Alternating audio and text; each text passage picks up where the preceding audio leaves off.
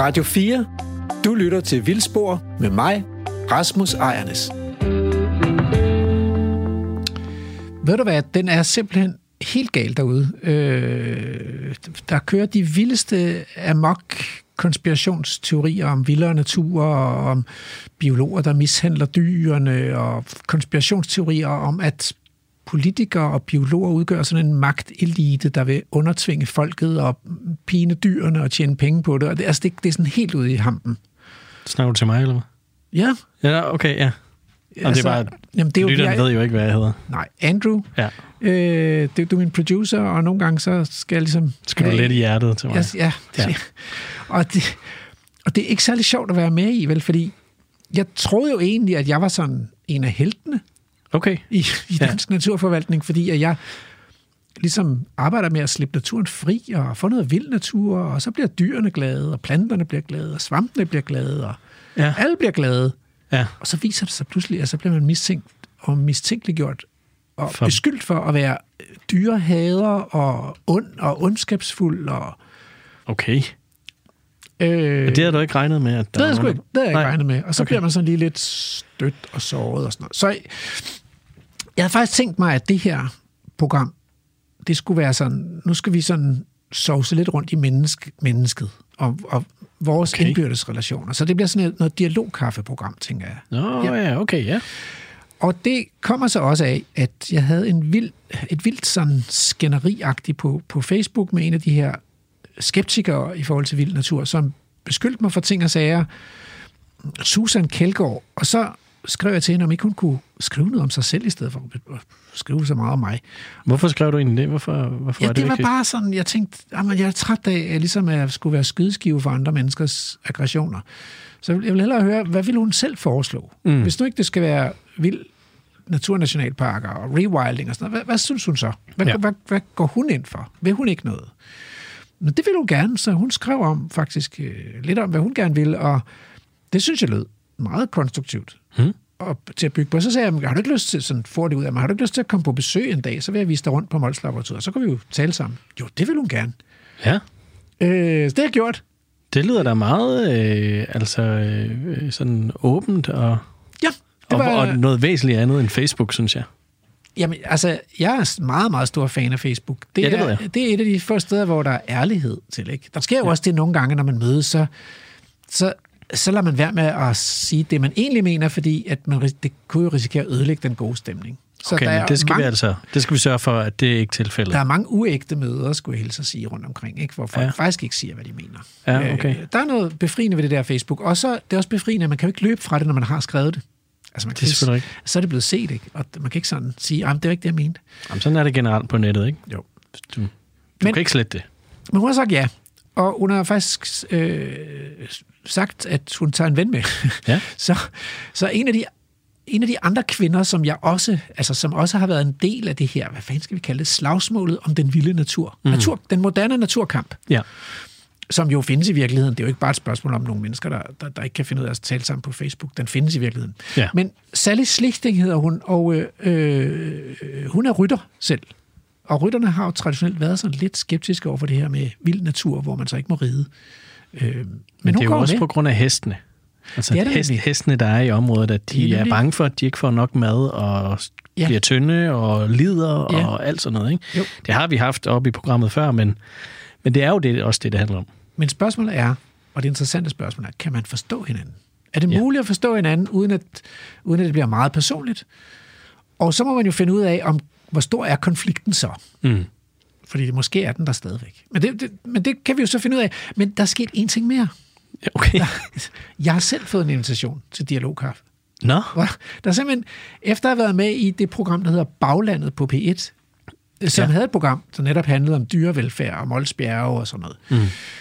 så, så skrev øh, en af dem, som var med, Charlotte Lytzen, skrev, skrev til mig og sagde, at øh, hun var ikke så meget på Facebook, og sådan, men hun ville egentlig gerne mødes derude. Hun bor i Molsbjerge. Mm. Om jeg ikke havde lyst til at mødes derude og, og tale om de her ting. Ja. Så skrev jeg, "Jamen, det, det vil jeg gerne. Om hun ikke havde lyst til at være med i et radioprogram med, om dialogkaffe, hvor vi så skulle mødes med to andre kvinder, fra, som kommer fra Sjælland. Ja. Jamen, det vil hun gerne. Så, så nu, nu det bliver den, den helt store øh, kaffeaftale, faktisk. En Ja. ja. dobbelt blind date eller et eller andet. Det, en triple, måske. det ved jeg ikke, ja. om man kalder det. Ja, okay. Men øh, Du bliver vidne. jeg, Hvis det er okay jeg, med dig. Jeg, jeg er vidne, øh, jeg, t- og mikrofonholder, ikke? Ja, det er jo det, præcis. jeg gør. Men øh, det er jo det er tre, du er op imod. Ja. Så øh, vi, har, vi skal se at komme derud af. Ud, ud ja, i. Ja, ja, men det, det skal vi. Men jeg synes bare, jeg synes, du skal klædes lidt på. Du kan godt, Hvad mener du? du kan godt blive lidt hissig nogle gange. Nej, Jo, du kan.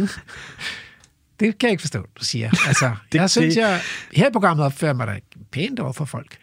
Ja, ja, men altså, jeg har oplevet det. Du kan okay. Godt blive lidt hissig. Så jeg har, øh, jeg har legnet øh, en op, som vi kan snakke med. En kan mere? snakke med. Ja, men det er bare over øh, telefon eller Teams. Hvem skulle det være?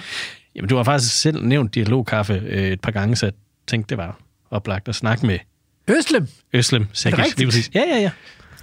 Så, til, så er Synes du du, jeg har behov på. for det? Eller, Nej, nej, men det tror, kunne det være er meget interessant, Ja. faktisk. så, så hende har jeg faktisk øh, legnet op, så Ja. du kan lige øh, blive klædt, klædt, Fordi klædt selvom- på, og så komme afsted. Selvom jeg er blevet svinet de sidste par uger, så tror jeg ikke, jeg er blevet svinet lige så meget, som Øslem er Nej, igennem tiden. det tror jeg ikke. Det er... Hun, står er op virkelig... endnu. Ja, det gør hun. Så øh, skal, vi, skal vi ikke ringe til hende? Jo. Jamen, så vil jeg gerne øh, byde velkommen til øh, Øslem Sekic. Tak, fordi du var med. Tak, fordi jeg måtte være med. Det er sådan en sjov ting. Ja, det er lidt uden for fagområdet. Det er jo vildspor om, om nat- det er jo sådan et naturprogram øh, i radioen her. Men selv, ind, selv når man snakker natur, kan man godt, kan stemningen godt nogle gange blive sådan lidt intens. Meget intens, især hvis du ser på, hvordan klimadebatten og miljødebatten de sidste par år har udviklet sig, så er det faktisk næsten på niveau med udlændingedebatten, vil jeg sige. Den er meget, meget polariserende. Det er ret vildt. Øhm, men vi skal ikke snakke om, hvorfor den er blevet det, men om, hvad i alverden gør man så? Og du har jo sådan Ja. set, kan man sige, øh, øh, vekslet øh, partipolitik med dialogkaffe. Altså på en eller anden måde skiftet hest fra det politiske perspektiv eller projekt, og så til et, mm, hvad skal man kalde det, et samfundsperspektiv med at prøve at skabe møder, eller facilitere møder. Hvorfor, hvorfor, har du, hvorfor valgte du at gøre det? Jamen, altså, fordi jeg opdagede, at når man var i politik, så var hovedformålet jo også lidt af sådan at altså, tegne sådan uenighederne for meget op. Altså, det blev lidt for meget grøftegraveri.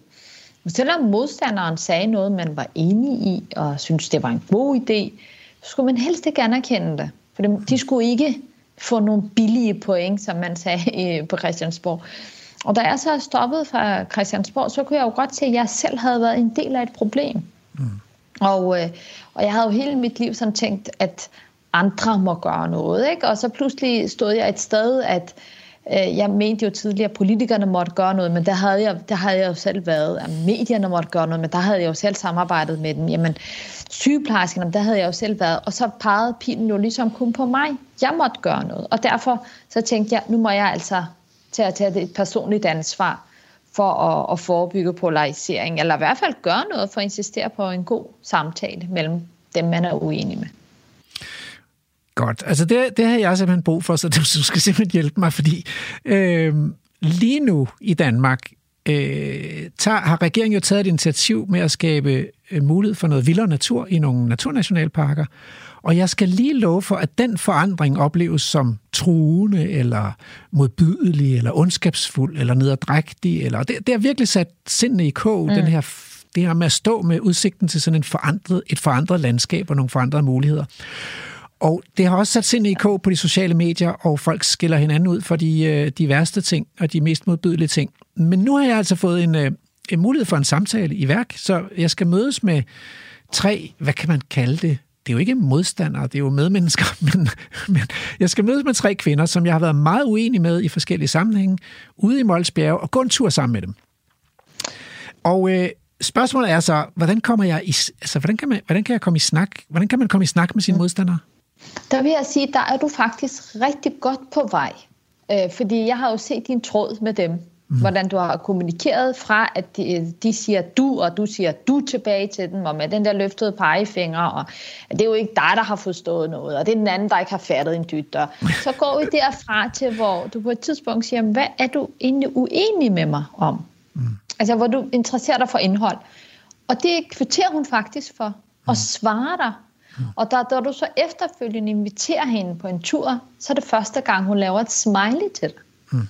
Og siger, det vil jeg da meget gerne tage imod. Og jeg tror, der er du allerede godt på vej, fordi der er hun ikke en del af en gruppe, men du ser hende som menneske.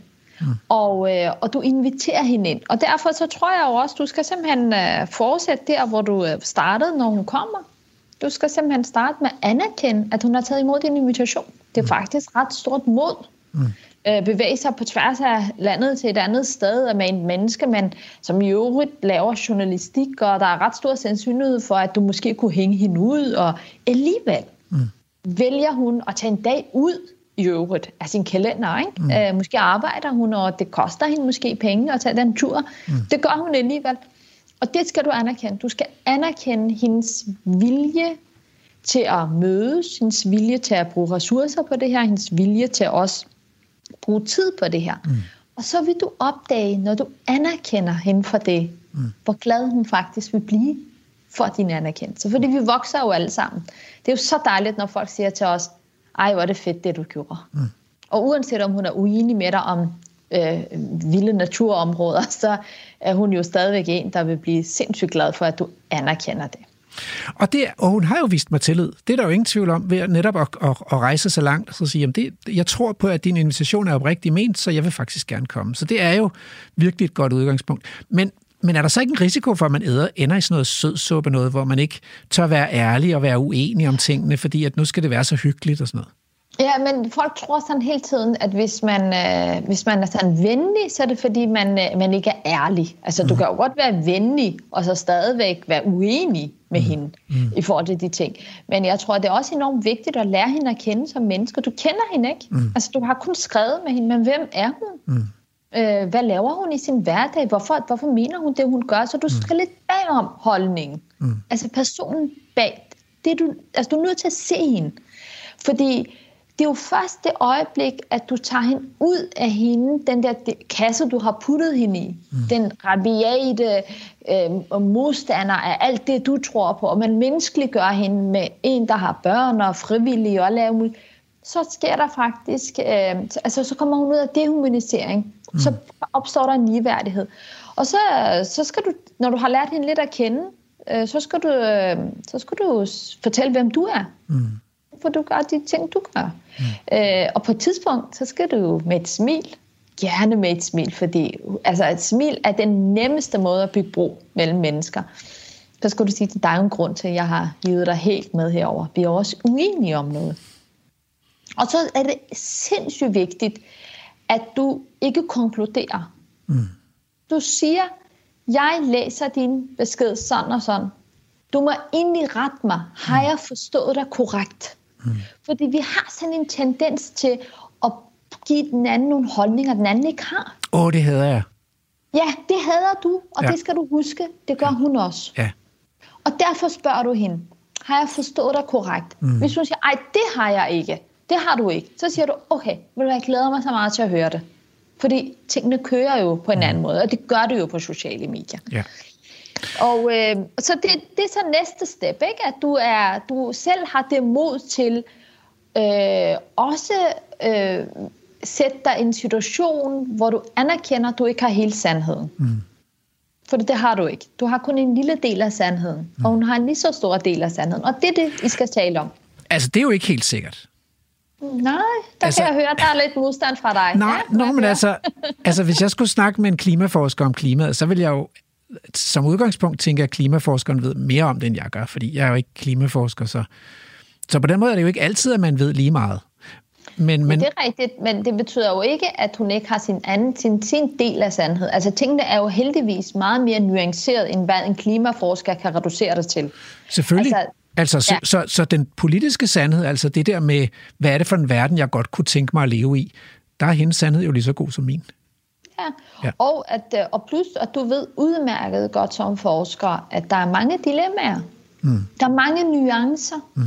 Så det, det der med at gå ud meget bombastisk og sige, sådan er verden, for det er min sandhed, at den, altså, det er den, der gælder 100%, det er jo heller ikke særlig brobyggende. Nej. Så, øh, ja. Nej, men, nej, nej, man kan sige, men, men jeg ved, at rødlig perlemors sommerfugls laver kun spiser violer. Ja. De, de, kan, ikke- de kan ikke leve af mælkebøtter eller af græs eller sådan noget. Det, så mm. det er jo en endegyldig sandhed. Så der findes jo objektive sandheder, også sammen med den subjektive oplevelse af verdens skønhed. Ja. Eller, Men, men, men det er slet ikke det, I diskuterer. Jeres Nej. uenighed består ikke i, uh, hvorvidt at uh, om den ene dyr spiser den ene bær eller den anden. Deres mm. uenighed består i det mere overordnede, det principielle. Mm. Hvordan skal de her områder skal bruges? Og der er det jo vigtigt også at høre, hvorfor har hun den modstand? ja. Hvad er det? Og, og altså, det bedste råd vil være, gør det konkret. Altså, så det ikke bliver sådan, øh, nu skal vi snakke både om regnskoven i Brasilien, og øh, hvordan tingene foregår i, over i Horsens, og, og så ned i Indonesien. Altså, gør det konkret, og tag kun et emne. Mm. Og på et tidspunkt, så vil du jo opdage, der er en uenighed, mm. som er så stærk, det er enormt svært. Øh, så, skal du, øh, så skal du bløde det lidt op. Øh, så vil jeg nok joke. Jeg vil nok gøre et eller andet, der gør, at vi kan grine sammen. Fordi når man griner sammen, så er paraderne lidt længere nede. Øh, men du skal, altså hvis du gerne vil have, at hun skal bevæge sig, altså du, det jeg går ud fra, at du som forsker ønsker jo, at du kan bevæge verden. Men det Nej. kræver jo... Nej, faktisk Nej. ikke. Nej, jeg ønsker kun at oplyse verden, så jeg, jeg, mennesker skal altid bevæge sig selv. Det er mit udgangspunkt. Det kan jeg simpelthen Ja. ikke. Det, og det er ikke mit projekt. Nej, så du vil gerne have, men du vil gerne oplyse dem, ikke? Ja. Ja, og mig Øh, selv. Ja, altså, det, det, er jo, det er Ja. jo ikke bare fra mig til andre. Det er også, kan også være andre fra andre til mig. Ja, men der er vel et formål med din oplysningsprojekt, er der ikke det? Det er formålet i sig selv. Altså, at vi, at vi ser verden sådan, som den er nøgent, uden, uden, at, uden at manipulere eller mm. gøre os illusioner.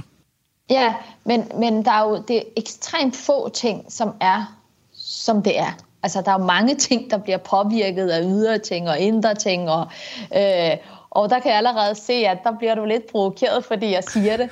Men, øh, men jeg tænker, hvad ville der egentlig ske, hvis du faktisk også tvivlede med hende? Altså, har, mener du virkelig, du har sådan svaret på alt? Altså, videnskaben har svaret på alt? Nej, vel? Nej, ikke, nej men, men, jeg, men jeg tror da nok, at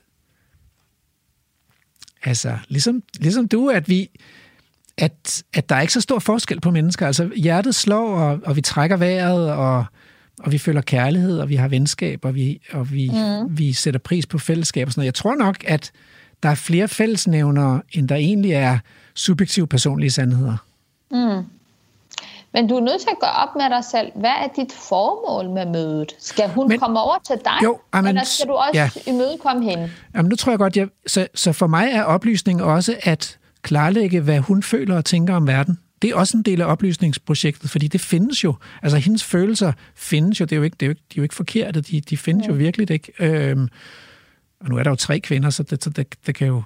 Og, og, det, og jeg tænker også at klarlægge, hvad jeg tænker om verden. Så, så på den måde så er det en del af oplysningsprojektet. Det er også at vise verden i sin mangfoldighed. Men, men vil du tale til hendes hjerte, eller vil du tale til hendes hjerne? Og øh, jeg kan jo bedst... Altså, i det, mit ideal er jo begge dele. Ja. tale med hjertet, men, men, men med, med, med fuld vågenhed og ak- hjerneaktivitet. Ja, så det vil sige, jeg tror, at det vil være ret godt, hvis du øh, ligesom øh, doserede lidt. Altså, du, hvis du har en eller anden forventning om, at første gang øh, i møde, så er der en bro, øh, så vil jeg sige, så er der ret stor sandsynlighed for, at du bliver skuffet. Mm. Altså, hvis du tænker, nu er der en enighed, ikke? Nej, det tror jeg Øh, ikke. bro, bro, broen er der, fordi Ja. ja. nu mødes I jo. Præcis.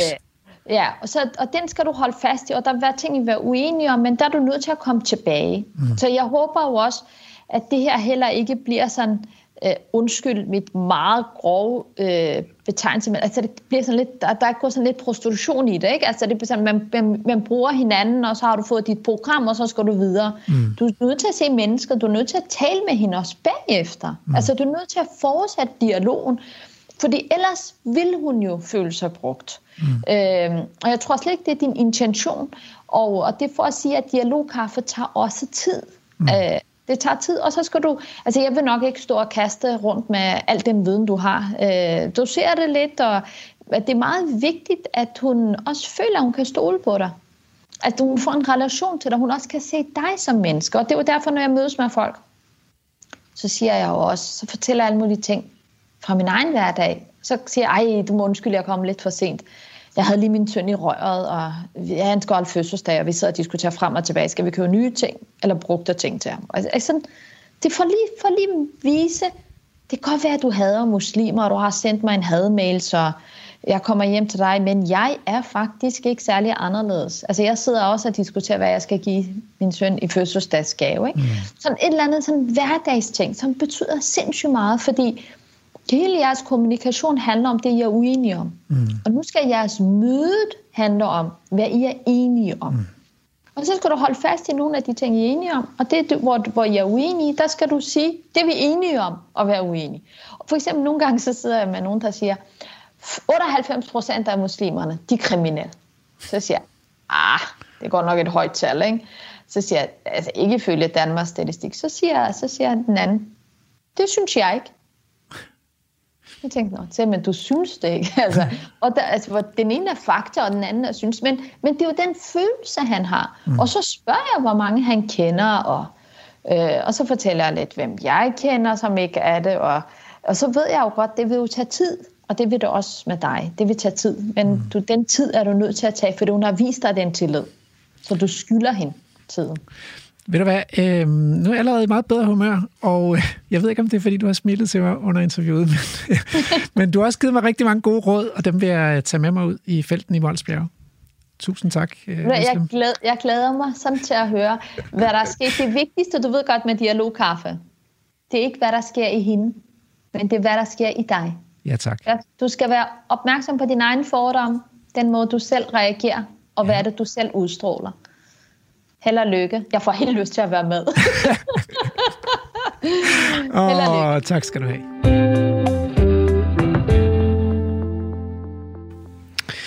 Hvad siger du til det? Ja, jeg siger, at nu er forventningspresset jo stærkt stigende. Ja, ja. altså, øh, det er jo en ny disciplin, det her. Ja. Jeg har jo ikke nogen uddannelse i proceskonsulent, eller facilitering, eller psykologi, eller sådan noget, men, men jeg er faktisk glad for de råd der. Hun sagde mange kloge ting, Høslem. Det synes jeg også. Der, var, der er rigtig meget at komme efter, og øh, ja. Så jeg glæder mig. Det kan jeg godt forstå. Lad os komme afsted.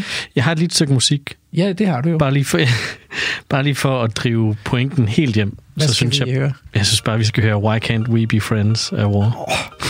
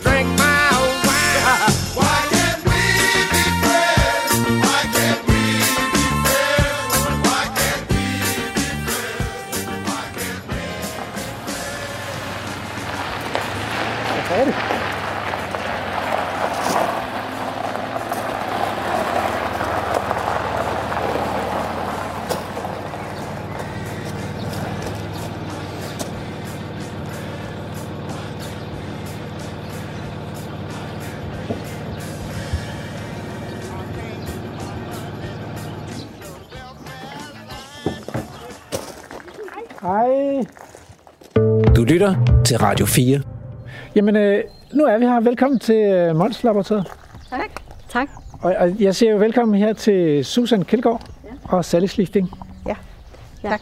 Øhm, men, øh, men altså, nu, er det jo, nu har jeg inviteret dig, Susan, og du har taget Sally med, men hvordan kan det, hvordan kan det være, at I sagde ja og er kommet? For I er kommet hele vejen fra hvad? Nordsjælland? Nordsjælland. Gilleleje, faktisk. Så øh, det er fra den anden ende af landet. Øh, jamen, vi er kommet, fordi vi rigtig gerne vil dialogen. Øh, vi vil rigtig gerne øh, også stille nogle spørgsmål til nogle ting, som vi måske ikke forstår. Øh, og vi vil gerne være fremmende for den gode tone øh, i debatten. Jeg tænker, er det lidt det? Ikke så? Ja, jo. Altså, øh, jeg sidder i øh, Nationalparkrådet, og jeg sidder i brugergruppen oppe i Gribskov. Øh, Øh, og vi støder jo på, der, der er vi mange, der skal få det til at fungere sammen, og øh, der er nogle spørgsmål, som hele tiden popper op, og, og det er jo noget af det her biologi og dyrevelfærd og alle de her, og, og øh, en af årsagerne til, at jeg er her, det er, jamen, kunne vi, prøve, kunne vi prøve at blive klogere på hinanden? Fordi jeg tror, det er begge veje. Øh, vi, altså, jeg, vi, jeg er hestemenneske. Jeg lever af heste. Jeg lever øh, af alt turisme med hester og alt muligt. Øh, så jeg får skudt mange ting i skoene, og vi bliver kaldt alt muligt. Øh, hvilket jeg synes er lidt ja, ærgerligt, fordi lad os få noget dialog. Og for mig, der gælder det faktisk faglighed og saglighed. Jeg lover at kun at kalde dig Salle i dag. men, men altså, øh, vi, vi er samlet her på Mols Laboratoriet, fordi øh, jeg, jeg vil ikke sige, det var ikke her, det hele startede vel, fordi det, det startede vel egentlig med universets dannelse, men, men her er der det der øh, rewilding i øh, frit øh, dressur. Øh, og mange af de idéer, der ligger til grund for naturnationalparkerne, er ligesom prøvet af her siden 2016, hvor man satte de her øh, Galloway-kvæg og Exmoor-ponyer fri, så man kan komme ud og se, hvordan ser det så ud i virkeligheden. Og jeg håber, vi finder hestene og, og, og, og kvædet altså. Så I dem på vej op? Ja, vi så hestene hernede. Så er de ja. her. Øh, så så kan vi godt gå ud i terrænet og satse på, at vi, at vi ser dem. Fordi så går vi en runde, hvor vi går op fra de høje bakker her, og så ned mod det marine forland. De stod nede på engen måske. De står ved siden af vejen. Ja, ja. ja. Jamen, så finder vi dem. Det er jeg sikker på. Jamen, det vil flok der i hvert fald. Ja. Og man må gerne gå ind til dem. Det, Mols Laboratoriet er åbent for øh, besøgende. Øh, man må ikke ride, men vi har heller ikke heste med i dag. Øh, man må gerne cykle og, og gå, og, øh, ja. og man må heller ikke øh, fodre hestene, eller kvæde for den sags skyld. Men det er også svært at komme til, fordi de holder sådan en respektfuld af, afstand til en, faktisk. Vi skal lige have med, at vi desværre har fået et afbud. Ja, planen var egentlig, at øh, fordi at der skete jo det, at øh, der var en Facebook-tråd, hvor jeg inviterede Susan Kjeldgaard til at komme herover. Og det er så den invitation, øh, I har taget imod sammen. Men så fik jeg en anden invitation fra Charlotte Lytzen, som bor her i Molsbjerget, og vi har været med i en podcast sammen, og hun vil gerne invitere mig på dialogkaffe herude, om jeg ikke vil komme og besøge øh, hende i Molsbjerg. Og det ville jeg jo gerne, men hun kunne ikke være med i dag, desværre. Hun skulle til et møde i København. Så øh, lad os... Lad os gå derud. Lad os gå derud. Og jeg har taget dialogkaffen med her. Ja, det er så lækkert. Ja, ja, ja.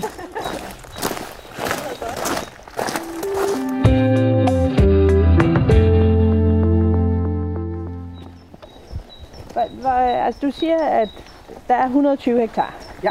Den bliver brugt til afgræsning. Ja. ja. Øhm, jeg har selv 100 hektar derhjemme, så det kan jeg godt forholde mig til. Hvor mange dyr altså går der afgræsser på de her 120 hektar? Øh, ja, på nuværende tidspunkt, det er måske virkelig det sværeste spørgsmål, fordi øh, jeg ved ikke, hvor mange føl, der er sat, og kalve, der er sat nu. Men øh, jeg tror, der er omkring øh, 32 eller 33 dyr, der har overvintret. Altså voksne dyr. Og øh, det startede i 2016 med, at man satte 25 dyr ud, cirka halvt, øh, halvt Galloway og halvt Exmoor.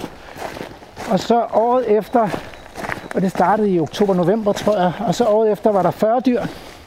Så de har haft det godt og sat følger kalve. Og året efter var der 60 dyr. Og der var vurderingen sådan, at det var nok meget tvivlsomt, om de kom godt igennem vinteren. Men det gjorde de. Øh, alle dyr kom fint igennem vinteren øh, uden fodring. Året efter var der så 77 dyr. Og der ramte man så øh, områdets bærekapacitet. Og øh, det kunne man se allerede i februar, at det her, det ville ikke, man kunne ikke få alle. Alle 77 dyr ville ikke klare sig vinteren igennem, og så begyndte man at tage dyrene ud. Øhm, og der var nogle dyr, der blev skudt på arealet, og der var nogle dyr, der blev, der er sådan et fangfoldsystem hernede, blev taget ud og, og overleveret til andre naturprojekter andre steder i Danmark. Øh, så der går nogle af de her dyr rundt omkring øh, i andre naturprojekter. De blev foræret væk. Altså, så. Det, for mig der giver det jo sådan øh, ja, to spørgsmål. Det ene det er, hvad hvis nu man havde taget nogle dyr ud tidligere? Hvad var der så sket? Altså har man haft de overvejelser med i det, som man ikke skulle, altså hvis nu man kunne have kommet af med 20 dyr tidligere, øh, som man så kunne have anvendt et andet sted. Og det er ikke fordi, jeg har noget imod, at man øh, skyder dyr eller bruger dem til foder eller et eller andet, fordi vi slår dyr ihjel hver eneste dag til, med et eller andet formål, ikke? altså til foder ja, eller noget. Præcis. Så det er egentlig ikke det, det handler om. Øhm, for mig der handler det mere det her, altså hvor langt tager vi dem ud? Kunne vi have taget dem ud tidligere? Øhm, og så kunne vi have anvendt dem til noget, øhm, og det kan godt være, det var foder. Og så er der et, øh, et andet spørgsmål. Jeg køber og sælger ponyer. Jeg kan se, der er kommet et gråt marked, vil jeg kalde det, for de her vilde heste, der bliver taget ind for reservater, og som så bliver solgt. Og det synes jeg jo er rigtig trist. Mm. Og jeg synes jo også, det kan ikke være det, der var meningen med det her. Fordi I, vi, bliver ved med at sige, at de har et fantastisk liv herude, kontra noget andet. Og så lige pludselig, så synes jeg, at de får det værste liv. Jeg har fulgt en af ponyerne. På tre måneder har den været igennem fire forskellige steder. Og, og det var en af de ting, jeg også godt kunne tænke mig at høre. Hvordan øh, kan I være med til at garantere, at det kommer ikke til at ske? Mm. Altså jeg vil næsten hellere have, at den bare bliver skudt. Fordi sådan, der har haft et godt liv hele tiden. Og her, og her skal jeg jo indføje, at... Øh at nu har jeg godt nok sagt velkommen til Mols Laboratoriet, men jeg, men jeg er faktisk ikke øh, en del af det. Så, så Mols Laboratoriet bliver drevet af Naturhistorisk Museum i Aarhus, som er sådan en selvejende institution, og jeg er ansat på Aarhus Universitet. Så jeg, øh, jeg har været med til at rådgive om de videnskabelige aspekter af det. Men det betyder også, at jeg kan jo godt bringe sådan en bekymring videre øh, til dem, der styrer projektet her. Men nej, altså nu har vi lige gjort holdt her, fordi der var nogle spørgsmål, dem skal vi nok øh, nå at få svar på. Men jeg vil bare gøre holdt her, fordi nu er vi på vej ind over færisten her. Så vi, vi står lige uden for øh, de indhegnede 120 hektar, og, og så kan vi se, hvad forskellen er på et græsset økosystem og et ugræsset økosystem. Og det var egentlig bare for, at jeg ville vise, at en af grundene til, at vi gerne vil det her øh, rewilding og argument, altså anbefaler det videnskabeligt, det er, at store dele af Danmarks lysåbne natur, den ser ud, som, som der ser ud her i kanten af, af, af vejen her, hvor der er en meget kraftig græsvækst, store græsture, og rigtig meget, rigtig meget dødt øh, græs, som gør, at der kommer ikke meget lys ned til øh, jordoverfladen her, øh, til gavn for øh, at kan man sige, de konkurrencesvage planter og blomster, der vokser ned ved jordoverfladen. Og når vi så går ind her lidt, så kan vi se, at der er lys helt ned til jorden, og rigtig mange steder, der er græsset fortrængt af, af bredbladede urter, som danner roset, og som vil komme op med et øh, blomsterhav her i løbet af sommermånederne. Og øh, og det er især noget, man opnår ved, at der bliver spist op om, øh, om vinteren, sådan at øh, dyretrykket er så tilpas lavt, at, at de ikke kan følge med at spise op om sommeren. Så der vil komme en meget kraftig øh, blomstring og vækst af de her planter. Mens at om vinteren spiser de så op, og så er der lys, når, øh, når foråret starter igen. Og så er der noget med, at græs, græs kan ikke lide at blive slidt om vinteren, når det ikke, når ikke det kan kompensere for væksten. Og derfor er det også almindeligt i landbruget, at man at man er bekymret for at sætte dyrene for tidligt på græs, fordi så risikerer man dødbidning, altså at de simpelthen trækker græsset op øh, og ødelægger det eller tramper det ned. Øhm, og, øh, og det er øh, det vil man gerne have, hvis man vil have blomstrende urter, at græsset faktisk bliver slidt af eller væk eller dødbidt. Eller... Så, men lad os gå ind og kigge på, på forskellen, og så lige følge op på øh, de der dyrs øh, videre skæbne. Ja, for det er noget af det, som man kan sige, at vi to var i, øh, vi var i, i den debat omkring netop det her, sådan at, øh, hvornår har dyr det godt, og hvornår de ikke har de det ikke godt, ikke? Jo. Det, det synes jeg også, det kommer vi ikke udenom, det skal vi også tale om, fordi så, så, så øh, det videnskabelige argument for at have det her helårsgræsne, det er jo meget rettet imod, altså, hvad kan man sige, hele økosystemet, ikke? At, vi, at man får det her øh, det her lysåbne græslandsøkosystem, hvor der er plads til masser af små, masser af små urter her, som så kommer op og blomstrer, og, øh, og at man så har det her blomstermølle om sommeren. Men det har jo ikke noget at gøre med, hvordan, hvordan de store pattedyr har det i økosystemet. Så, øh, så det synes jeg helt bestemt men, også. Men jeg tænker, det, det, er jo, altså, det er jo det, der fylder rigtig meget i debatten. Ja, dyrene. Øh, dyrene ja. ikke? Og, og det, god grund. Ja, ja, og, og derfor så tænker jeg også, at vi kan ikke, vi kan ikke negligere det. Vel? Øhm, og så kan det godt være, at vi gerne vil have planter og alt muligt andet, fordi vi, skal, vi, vi kalder dem buksebierne hjemme hos os, ikke? Øh, eller en sommerfugl, eller hvad ved jeg. Øhm, og det tænker det vil vi alle sammen jo gerne. Men når jeg så samtidig kigger ud af det her, så ser jeg, der ligger en masse klatter, altså hestepærer. Der ligger også, der er også nogle kokasser og sådan noget. Ja det mest naturlige for heste, det er at klatte nogenlunde det samme sted. Lad være med at spise græsset, der hvor det er. Med mindre der er ikke mere at spise, så begynder de at spise de områder, hvor de har klattet. Og de spiser jo ikke de områder, hvor de har klattet, fordi så undgår de at få orm og hele den her recirkulation. Um, og når jeg, jeg så, vi lagde også mærke til det, da vi kørte ind. Mm. Altså, der ligger klatter alle mulige steder.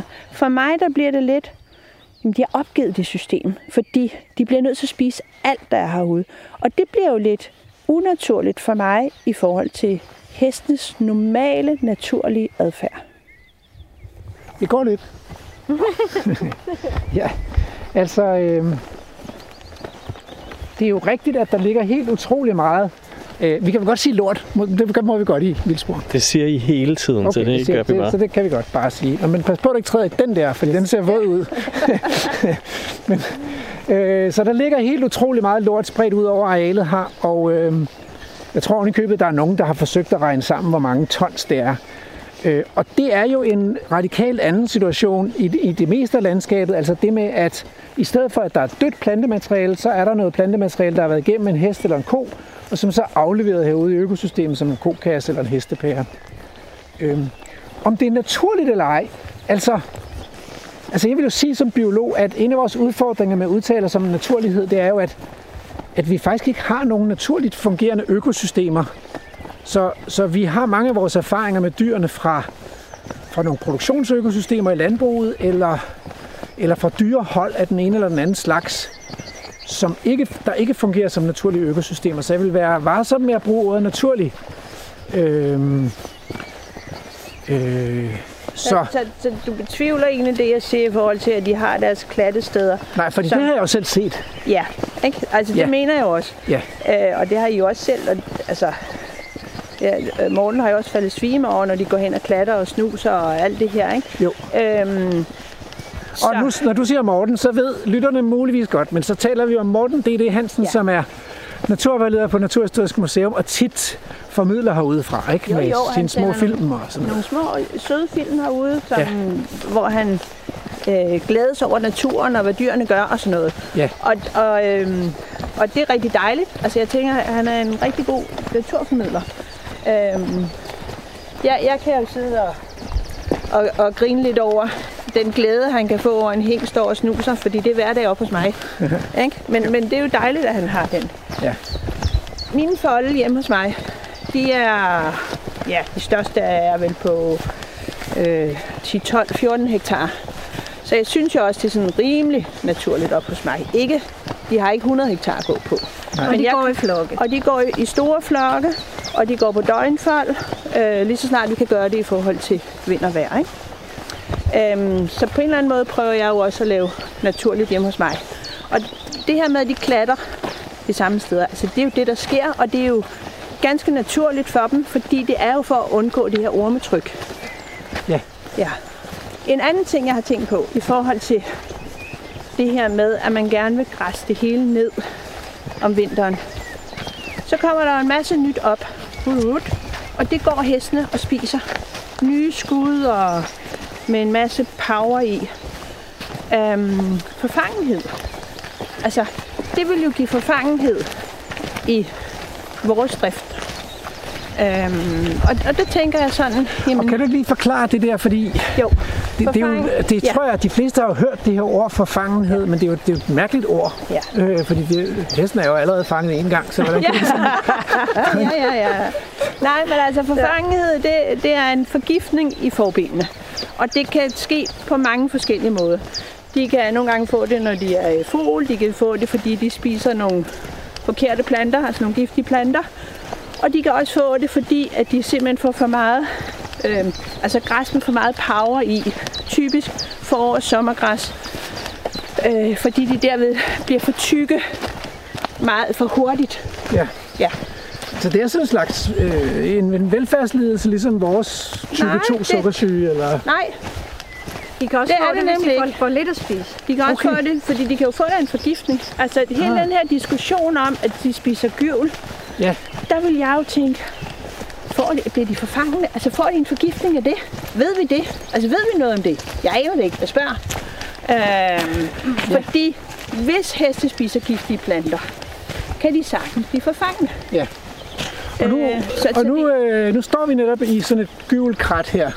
Og noget af det, der er faktisk interessant at se, og som bliver super spændende at se resten af året, det er, at det ser ud som om en del af gyvlerne faktisk er gået ud. Ja, det er meget. Og det er, der har nemlig været hård frost, og gyvel er øh, frostfølsom.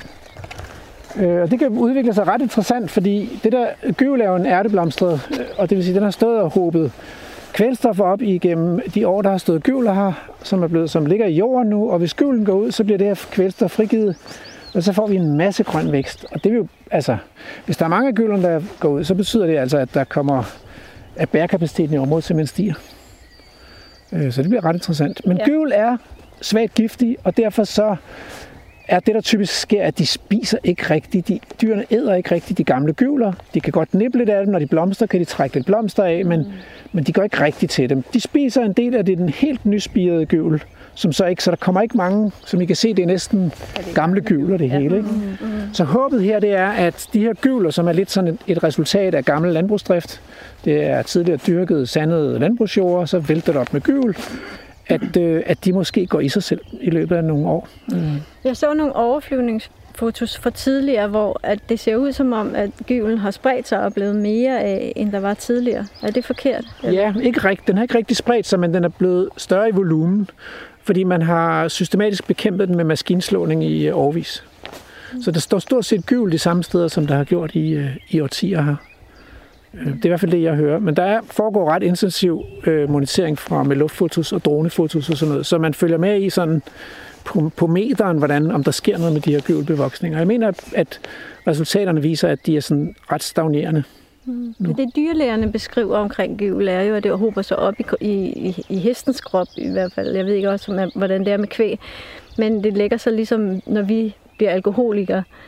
Altså, at så ødelægger det de indre organer, og øh, så bliver de apatiske, og de mister appetitten. Og, og tænker, det, altså, hvis de spiser det over lang tid, fordi hestehold, heste, der er i hestehold, de øh, kan man sige, bliver jo ikke præsenteret for gybel. Men det gør de så her og i mange andre steder. Der er jo flere, øh, flere planter på arealet her, som er potentielt giftige. Der er engbrøndbager, øh, som jo gi- giver kraftige forgiftningssymptomer, men som dyrene er gode til at undgå, medmindre at den er kommet i høet, øh, som tørrede planter. Og så er der, øh, så er der jo æren, der er masser af egetræer. Øh, og de spiser æren, hesten, og det på et tidspunkt. Det er som om ikke lige når æren, når æren er faldet af øh, egetræerne, men lidt senere på året. Så er det som om, at så bliver de attraktive. Så begynder de at æde af dem. Også længe inden, at græsset er spist op på arealerne. Mm. Øhm, der, der, der er ikke rapporteret nogen forgiftningssymptomer på hestene, mig bekendt. Men altså, nu skal jeg jo ikke... Jeg skal, jo, jeg skal passe på med at... Ja, ja, Nej, nej, altså, det er heller ikke det. det. Men man kan jo sige, at det er jo heller ikke sikkert, at man opdager dem. Men, altså, Præcis. Der er jo ting, de- man ikke opdager, Ja. fordi... Men altså, der er ikke noget tegn på, at hestene vantrives, eller bliver apatiske, eller... Øhm, eller, eller dør på, på arealet af andre årsager end knaphed. Så knaphed har været den store... Altså den der knaphed i sidste vinter, efter der var 77 dyr på arealet, Ja. det var den, der førte til, at man valgte at fjerne 43 dyr. Øh, fordi man vurderede, at de ikke ville klare den, hvis man fortsatte ind i marts og april måned. Det er det, Morten, det, det nogle gange har kaldt for et kollaps i bestanden. Ja, Eller, mm. ja. Det vil beskrives som kollaps, og hvis ikke man havde fjernet dem, så var der mange dyr, et, et antal dyr, som man ikke ved, hvor mange var, som ville, ikke ville have klaret vinteren. Det kan være utroligt svært at forudsige jo, men, men man har altså brugt den her huldscore til at sige, kommer de under det der... Jeg må ikke hænge mig op på det vel, fordi det er ikke mig, der laver de der protokoller, jeg scorer dem heller ikke, men jeg mener, det kommer de under to, øh, og, og hvis ikke der er udsigt til, at en bedring i situationen, altså det er stadigvæk vinter, der er ikke ny vækst i græsset, så tager man dyrene ud. Øh, Så, så, og det er jo det, der kaldes øh, reaktiv forvaltning, bare for lige at få det på plads. Ikke? Så, fordi det spurgte du nemlig til. Ja. Kunne man ikke have lavet proaktiv forvaltning, som så ville være, at man inden vinteren kom, gik ind og vurderede, hvor mange, øh, hvor mange dyr vil der være mad til her. Øh, Det kalder man proaktiv forvaltning. Og der vil man jo typisk forsøge sådan ligesom at skyde, altså være lidt på den sikre side. Så man er sikker på, at der er mad nok til alle dyrene i vinteren. Og så tager man dyrene ud øh, i oktober-november måned. Udfordringen er jo, at havde man gjort det, så ville man have lavet det allerede, da der var 60 dyr. Fordi man har tænkt. Fordi der tænkte man, det går ikke det her, det, de klarer ikke vinteren altså. Og det var ovenkøbet, den, det år, der var 60 dyr, der havde været et, et dårligt år. Det var det, den der tørkesommer, vi havde i 2018, ikke? så der var ikke meget vækst, som de ligesom kunne æde om vinteren på arealet. Alle dyr klarede den uden at ryge under hul huldkriteriet i det år. Nogle gange så får man den der oplevelse af kvædet her på Molstammersud er næsten usynligt. At, at det er kun hestene, man ser, og der bliver taget billeder af de her heste og sådan noget, som om, at der er en anden... Altså, er der sådan et hierarki mellem dyrene, at hestene er vigtigere dyr Nej, end... nej, nej. Der er jo lige så mange, jeg ser lige så mange billeder af kvæd. Okay. Altså, øh, der- bliver postet lige så mange billeder af, af kvæd. Øh, Jeg tror der, mere, at der, det, hvor jeg ser det. ja, jeg tror også, det er noget med de kanter, der bliver trukket op hele tiden i debatterne. Ja. At, altså, det kan godt være, at der er meget fokus på heste, men der er også meget fokus på hestefolk. Ja. Altså, Ja. Så det bliver hur- hurtigt til, jamen I forsvarer også bare altid hestene. Nej, egentlig forsvarer vi måske bare dyrene. Ja. Altså jeg har ligesom Susan, om det er en ko eller en hest, eller Den skal have et ordentligt liv. den skal have et ordentligt liv. Ja. Øh, Altså, sådan har jeg det også, vil jeg så Ja. sige.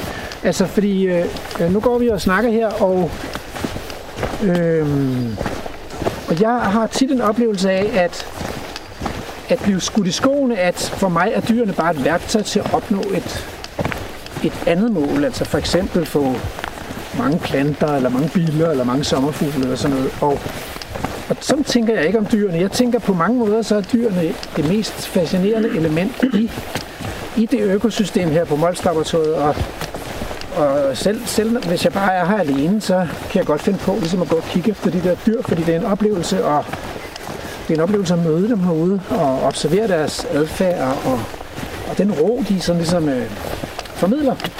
Også til mig som menneske. Men det er vel også der, hvor vi holder af heste. Ja, altså, præcis. At, nu siger du den ro, øh, dyrene giver. Ja. ja, du bruger øh, heste til terapi i forhold til at give ro. Ja. Ikke? Altså, Ja. øhm, så, så på den måde tænker jeg, at vi har den samme glæde. Øh, og jeg tænker, at en ko kunne sikkert også give det så meget ro, eller et andet dyr. Jeg tror bare, at det er nogle gange de der meget rabiate udtalelser, der kommer. Jamen, vi skal bare bruge dem, eller øh, ja, de må dø for videnskaben. Eller, altså, Ja. jeg tror, det er de der meget skarpe kanter. Det er, jo også, det er jo derfor, vi er. Vi er her, Susan og jeg. Det er Ja. fordi, vi vil egentlig bare gerne have en snak om, så vi forstår hinanden. Ja. I stedet for, at det bliver det der mudderkastning hele tiden. Ikke? Og at, Men altså, var der sådan et punkt, hvor, var der sådan et tidspunkt, hvor I tænkte, ej, det er fandme for galt det her. Nu, Ja. nu er jeg sur. Nu, Ja. Fortæl. Ja. Ja. Jamen, men faktisk så, havde, så skal jeg være helt ærlig og sige, jeg var ikke øh, sådan... Jeg tænkte, det bliver sgu da meget fedt det her med de her Vilde områder. øh, vilde områder, og jeg har jo om nogen i min tid som øh, Europaparlamentskandidat øh, til EP-valget sidst postet biodiversitet og, og alt muligt, øh, og gjort alt, hvad jeg kunne for simpelthen, at vi skulle have mere biodiversitet, også i mit politiske arbejde i byrådet øh, har jeg altid kæmpet for det. Og særligt prikker så lidt til mig og siger, øh, kunne du ikke lige kigge på det der med dyrevelfærden her? Og så øh, går jeg ind og læser, jeg har været medlem af Biodiversitet.dk i mange år, Ja. og, øh, og så spørger jeg inde på Twitter, spørger jeg så øh, Morten D.D., hvor kan jeg finde noget? Fordi at jeg var faktisk oprigtig nysgerrig på, hvor kan jeg finde noget, noget materiale på det her, eller fakta på det, der sker på Molslappet. Ja. Og øh, så går der ikke så lang tid, så får jeg en, øh, en besked fra ham, når du er hestepige, så blokerer jeg dig bare. øhm, Åh oh, nej. Det er bare og ikke en der- god start. Nej, det er en rigtig dårlig start, også med, med, med sådan en som mig, som jo ikke er vant til at holde min mund. Så tænker jeg, hvorfor får jeg sådan en? Ja.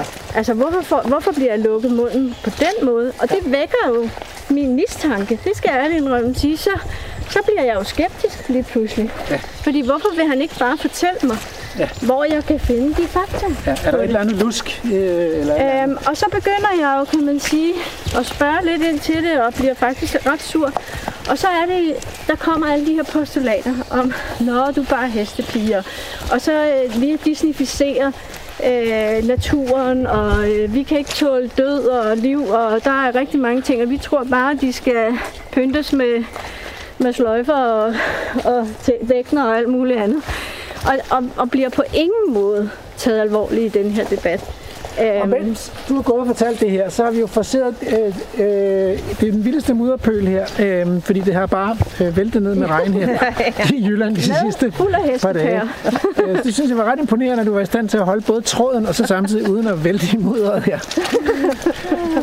Så Og øh, det er faktisk også en god cliffhanger, fordi det er simpelthen blevet tid til nyheder. Radio 4. Du lytter til Vildspor med mig, Rasmus Ejernes.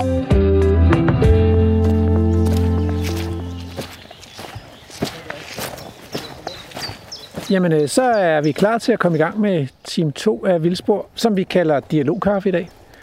Og øh, det gør vi, fordi at vi står på Mols Laboratoriet, og øh, vi har fine gæster fra Nordsjælland, nemlig øh, Susan Kjeldgaard, som har taget imod en invitation til at komme over, og som har taget sin veninde med, Sus, øh, Sally Slichting, som øh, har været chauffør på rejsen, og som ved en masse om heste.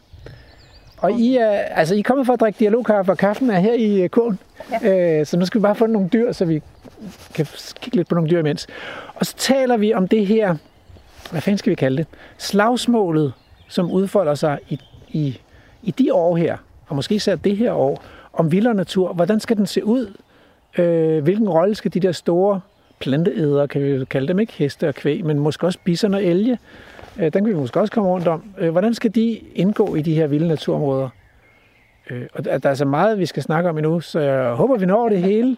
øhm, fordi til sidst i udsendelsen skal vi også have ugens naturpolitiske interview. Men øh, lad os komme i gang. Ja, det er klart. Så.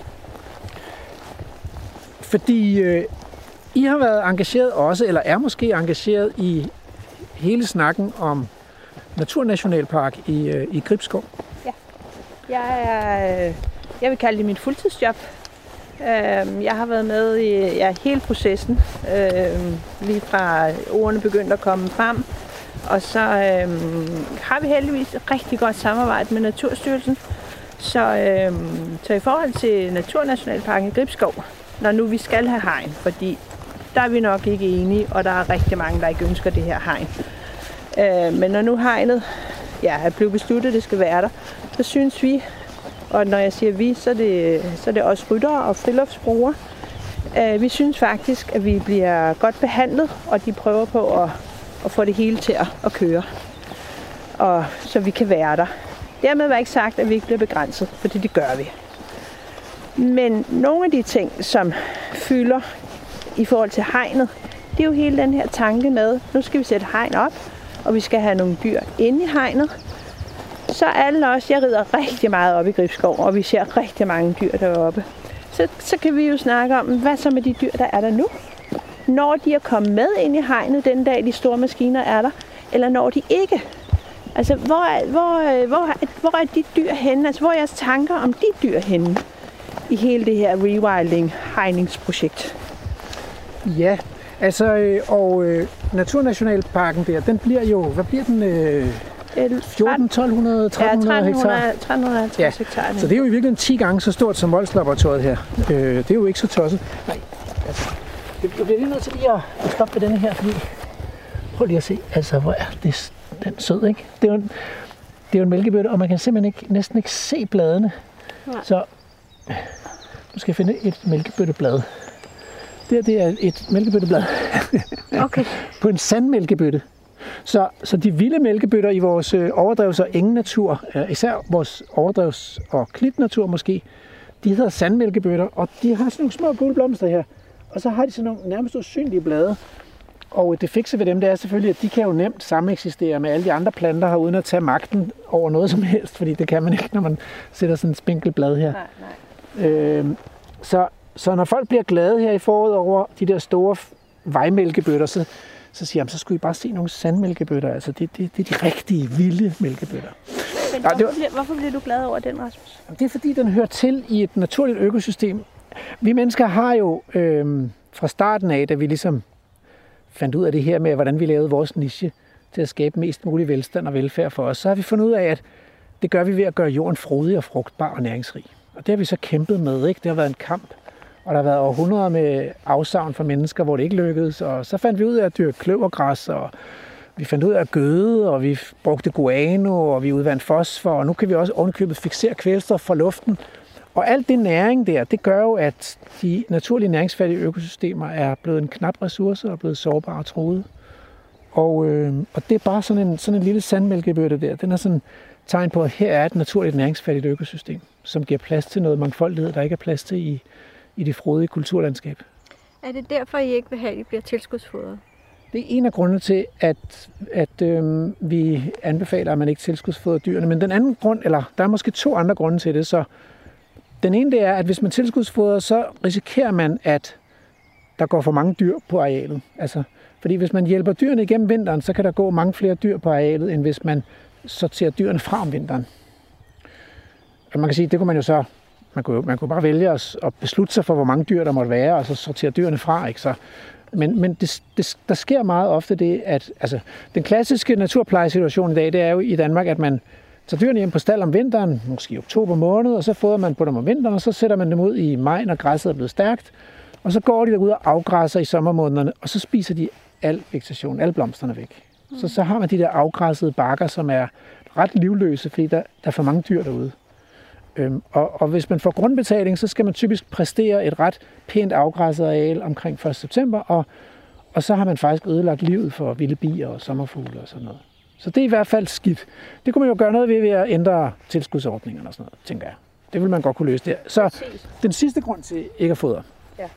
så det er, at hvis man, hvis man fodrer om vinteren, så spiser dyrene noget andet. Og så er vi tilbage ved det der med, er det okay, at dyrene i økosystemet spiser det, der er til rådighed på årstiden, eller skal de helst have noget, der er bedre end det, der er til rådighed på årstiden? Og der, der er jo sådan, at jeg tænker, ja, de er jo lavet til vild natur, de her dyr, altså. Det, det kan de godt. Det er jo det, de er Jamen, skabt til i evolutionens det er, der, det er jo der, vi, forløb. Vi, det er jo der, vejene skilles i virkeligheden. Ikke? Det er jo fordi, at man kan sige, hvis man kigger på nogle af de jeg kan jo kun forholde mig til det, der, bliver til, der er tilgængelig viden. Og hvorfor er det, der er nogle dyrlæger, der siger, at det her det er helt galt, og politianmelder Mols Laboratoriet og øh, Mols Bjerge og, og andre steder. Og de siger jo, at, øh, altså, at og de optegnelser, de har lavet, der for, har dyrene i, i alle, også på Bornholm, øh, de har for lav en, en levetidsalder på stederne. De bliver jo ikke andet end de her øh, to-tre år og så bliver man nødt til at tage dem ud. Og du har haft et ra- en, en radioudsendelse med Pil, hedder hun. Meget begejstret. Det gik også herude, øh, tror jeg. Øhm, hvor at de taler om, at det tager to til tre år for flokken at finde de gode veje. Altså, de skal, de skal være her i to til tre år. Og det kan jeg, altså som lægmand, jeg kan ikke få det til at hænge sammen op i mit hoved. Øh, hvordan kan det være, at dyrene skal have to til tre år til at finde de gode græsningssteder, til at finde, kan man sige, den gode flokdynamik, og så samtidig så tager man dem ud efter et år eller to, eller de bliver ikke ældre end teenager. Så, og det, det kan jeg ikke få til at hænge sammen op i mit hoved. Er der god dyrevelfærd i det? Altså, jeg ved ikke, om det er et dumt spørgsmål, men, men det er det spørgsmål, der rejser sig altså, i mit hoved. Jeg tror, faktisk, det, jeg tror faktisk, det er et godt spørgsmål. Skal vi gå lidt igen? Fordi vi skal jo også finde de dyr ja, på et tidspunkt. Ja, ja. Altså, øh, jeg tror i virkeligheden, at vi begynder at nærme os øh, kerne, øh, kerne, kernen i det her, øh, den her dyreetiske udfordring, fordi det er jo nok det, det er, ikke? Altså, hvordan er det, vi skal behandle dyrene, for at det er på en ordentlig måde? Øhm, det er i hvert fald en af spørgsmålene. Ja, så, ja. så hvis man kan sige, hvis nu dyrene havde, øh, havde frihed og rigelighed, så hvis nu forestiller os, at man rent faktisk gav dem lidt mere mad her om vinteren, så de alle sammen klarer sig igennem i godt hul, så vil de alle sammen parre sig og få føl og kalve. Fordi det er reglen, at dyr, der har, så, har det godt, de sætter afkom i verden, i, når de går i en blandet flok, og der ikke er nogen dyrene, der er steriliseret. Problemet er, at så vokser bestanden. Det er også så sikkert som ammen i kirken. Og det er jo det, der skete, at man startede med 25 dyr, og så var der 40, og så var der 60, og så var der 77. Det kan jo ikke blive ved. Det er jo lige meget, hvor stort et naturområde man har, så er det nødt til at stoppe på et tidspunkt. Det er kun, det er kun menneskearten, der ligesom bare kan have ubegrænset vækst. Ikke? Hvis alle de andre arter havde det, så ville verden være fuld. Altså, så ville vi jo være begravet i 10 meter hest alle sammen.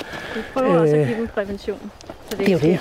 Det er jo det, ikke? Altså, så på en eller anden måde, så er man nødt til at have en begrænsende faktor i bestanden, og det kan være, at man slagter dyrene. Det gør vi jo i vores landbrug selvfølgelig. Vi slagter dyr, tager dem ud, bruger dem. Øh, det kan være, at man aflever dyrene, eller det kan være, at man steriliserer dyrene. Det er i virkeligheden de tre muligheder, der er. Ikke? Den sidste mulighed, det er at lade naturen gå sin gang. Og, øh, og, så, og så bliver det, og det kan man sige, det er på den hårde måde, det er på naturens måde. Altså, der er en... Der er en noget, vi har valgt, at det skal være Jo. naturens måde. Jo, men, jo, jo, men hvis vi ikke var her, så ville det ske på samme måde. Altså, så hvis man forestillede sig, at coronaepidemien tog alle mennesker, så ville det ende på nøjagtigt den måde. Så vil, så vil Danmark jo stå i skov, og så vil dyrene jo blive fortrængt. Fordi så ville det jo være tilbage fra 10.000 år siden, Ja, hvor at dyrene ikke evnede at græsse, græsse Danmark ned, og så blev de i virkeligheden fortrængt. Der er nogen, der så ved jeg godt siger, at det er menneskene, der kommer og fortrænger dem. ja. Men, men, Ja, for men der dyrene er har nogen, der jo... siger, at det passer ikke. Nej, men, men, men for dyrene har jo været her i, øh, i istider og mellemistider, istider og mellemistider, så det ved man. Ja. Der har været, der har været store dyr, i, i, i, både når det har været koldt og når det har været varmt, så, så helt fortrængt har de aldrig været. Øhm, og vi ved også, at en masse af de her lyselskende arter, ikke vores sommerfugle og vores blomster og sådan noget, som, som er afhængige af lys, de har også været her i millioner af år, også før mennesket. Ja. Så, så der har været levesteder for store dyr, og der har været levesteder for sommerfugle og blomster og sådan noget. Så, så det er ikke noget, der er kommet med, med det moderne menneske eller med landbruget, men vi har selvfølgelig forandret landskaber. Men tilbage til det der med, altså, at der skal på en eller anden måde være en, en eller anden bestandsbremse, inde, og, og sådan en er der også i naturen. Og øhm, det, kunne også være, det kunne også være store rovdyr. Det vil der, hvis man kigger til Afrika, hvor man stadigvæk har sådan nogle intakte græsningsøkosystemer, så er der jo hyæner og løver og leoparder og, og vilde hunde og sådan noget. Øhm, og de tager jo en del af, en del af bestanden af dyr, især, især de, de små og mellemstore dyr. De har lidt svært ved at regulere afrikanske bøfler og elefanter og næsehorn og sådan noget, fordi de er så store, så de er sådan delvist immune. Og det kan man også se fra Yellowstone, hvor, hvor ulvene regulerer de amerikanske krondyr, men, men de regulerer ikke rigtig bison. Så efter at der er kommet ulve i Yellowstone, så er krondyrbestanden faldet, og bisonbestanden er vokset. Øhm, så det, Men, men er, er det ikke, altså, kan man ikke sige, at det er rigtigt, at det så er mennesket, der bliver rovdyr? Fordi det er vel os, der er med til at styre bestanden. Her vil jeg sige, der er ikke mere mad, end, end at I faktisk ikke kan reproducere jer selv. Ja, og her støder, her støder intentionen med Mols Laboratoriet jo sammen med husdyrvelfærdsloven. Ja.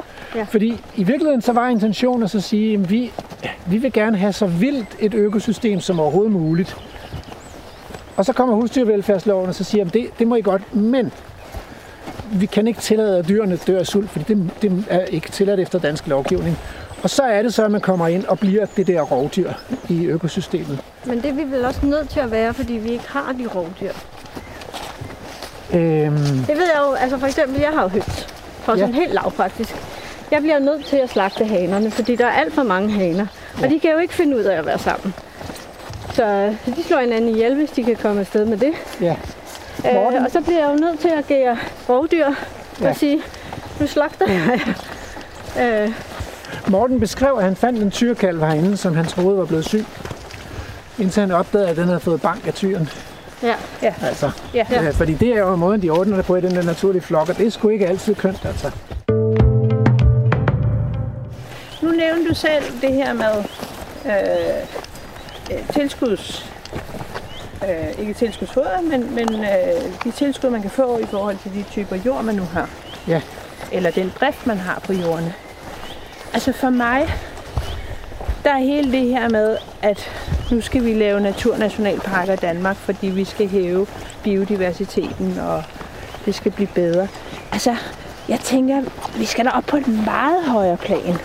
Vi skal da have lavet EU-lovgivning om, så det kan betale sig for sådan en som mig Og have en, en mere biodiversitetsrigtig drift af min jord, så jeg kan leve af den stadigvæk. Altså, i stedet for at vi går og laver de her små projekter. Altså, jeg har jo rigtig svært ved at forstå, at Gribskov, der sætter vi det her hegn, Og så går jeg ind og læser, at øh, Gribskov har en biodiversitetsskov på 9 ud af 10. Og så tænker jeg så, okay, hvordan kan vi, hvordan kan vi hæve noget, der er så tæt på at være det rigtige? Ja. Og så kan, så kan man kan jo så snakke om, jamen, hvad er det rigtige biodiversitet? Det ved jeg godt. Men hvis vi sætter de her dyr ind, og der er en skove på 9 på nuværende tidspunkt, går vi så ind og ødelægger den? Og, og er det så godt? Ja. Eller går det bare ud af noget andet, og så står vi om 10 år, 15 år og siger, åh, oh, holy bananas, øh, nu fik vi ødelagt den her, så nu skal vi faktisk øh, gøre noget andet ved træet, eller de store dyr, vi har derinde, eller... Altså, det, ja. det, er der sådan nogle, det er sådan nogle tanker, der kører i mit hoved. Fordi for, for mit vedkommende, så øh, bliver det jo også sådan et politisk suttebold til at lave de her 15 øh, steder. I stedet for, at man, som staten allerede ejer jo i virkeligheden, i stedet for at sige, hvorfor går vi ikke ud og opkøber de lavbundsjorder, der rent faktisk kan fungere som de her lysåbne områder? Hvorfor går vi ikke ud og netop, som Sally siger, prøver at støtte landmanden i, at det bliver, at, at det bliver bedre for ham at være med i de processer. Altså, vi har en god bekendt, der er landmand, som gør alt, hvad han kan, netop lige op ad hegnet i Tisvilde øhm, og Melby overdrev og deroppe. Som, som i virkeligheden siger, der er rigtig meget jord her, hvor man kunne udvide skoven med og lave de lysåbne områder. Hvorfor gør vi ikke det? Og I stedet for at hegne det hele ind. du må ikke stille flere spørgsmål. Jeg. Øh, jeg, vil har så mange. altså, så, øh, altså, øh, så jeg vil måske starte i omvendt rækkefølge. Øh, ved det, du siger, Susan, at anbefalingerne er ret. Jeg sidder jo i den her rådgivningsgruppe for naturnationalparker sammen med Jens Christian Svending og Hans Henrik Broen og Carsten Rabeck og Ja. ja. Bengt Holst. Og, og, Ja, ja. og anbefalingerne er stort set entydigt, at det vil være godt og hensigtsmæssigt, hvis områderne blev større. Så, så vi forskere er ikke så imponeret over de der 15 områder. Og fra starten af, der havde man jo fra politisk hold lovet 60.000 hektar.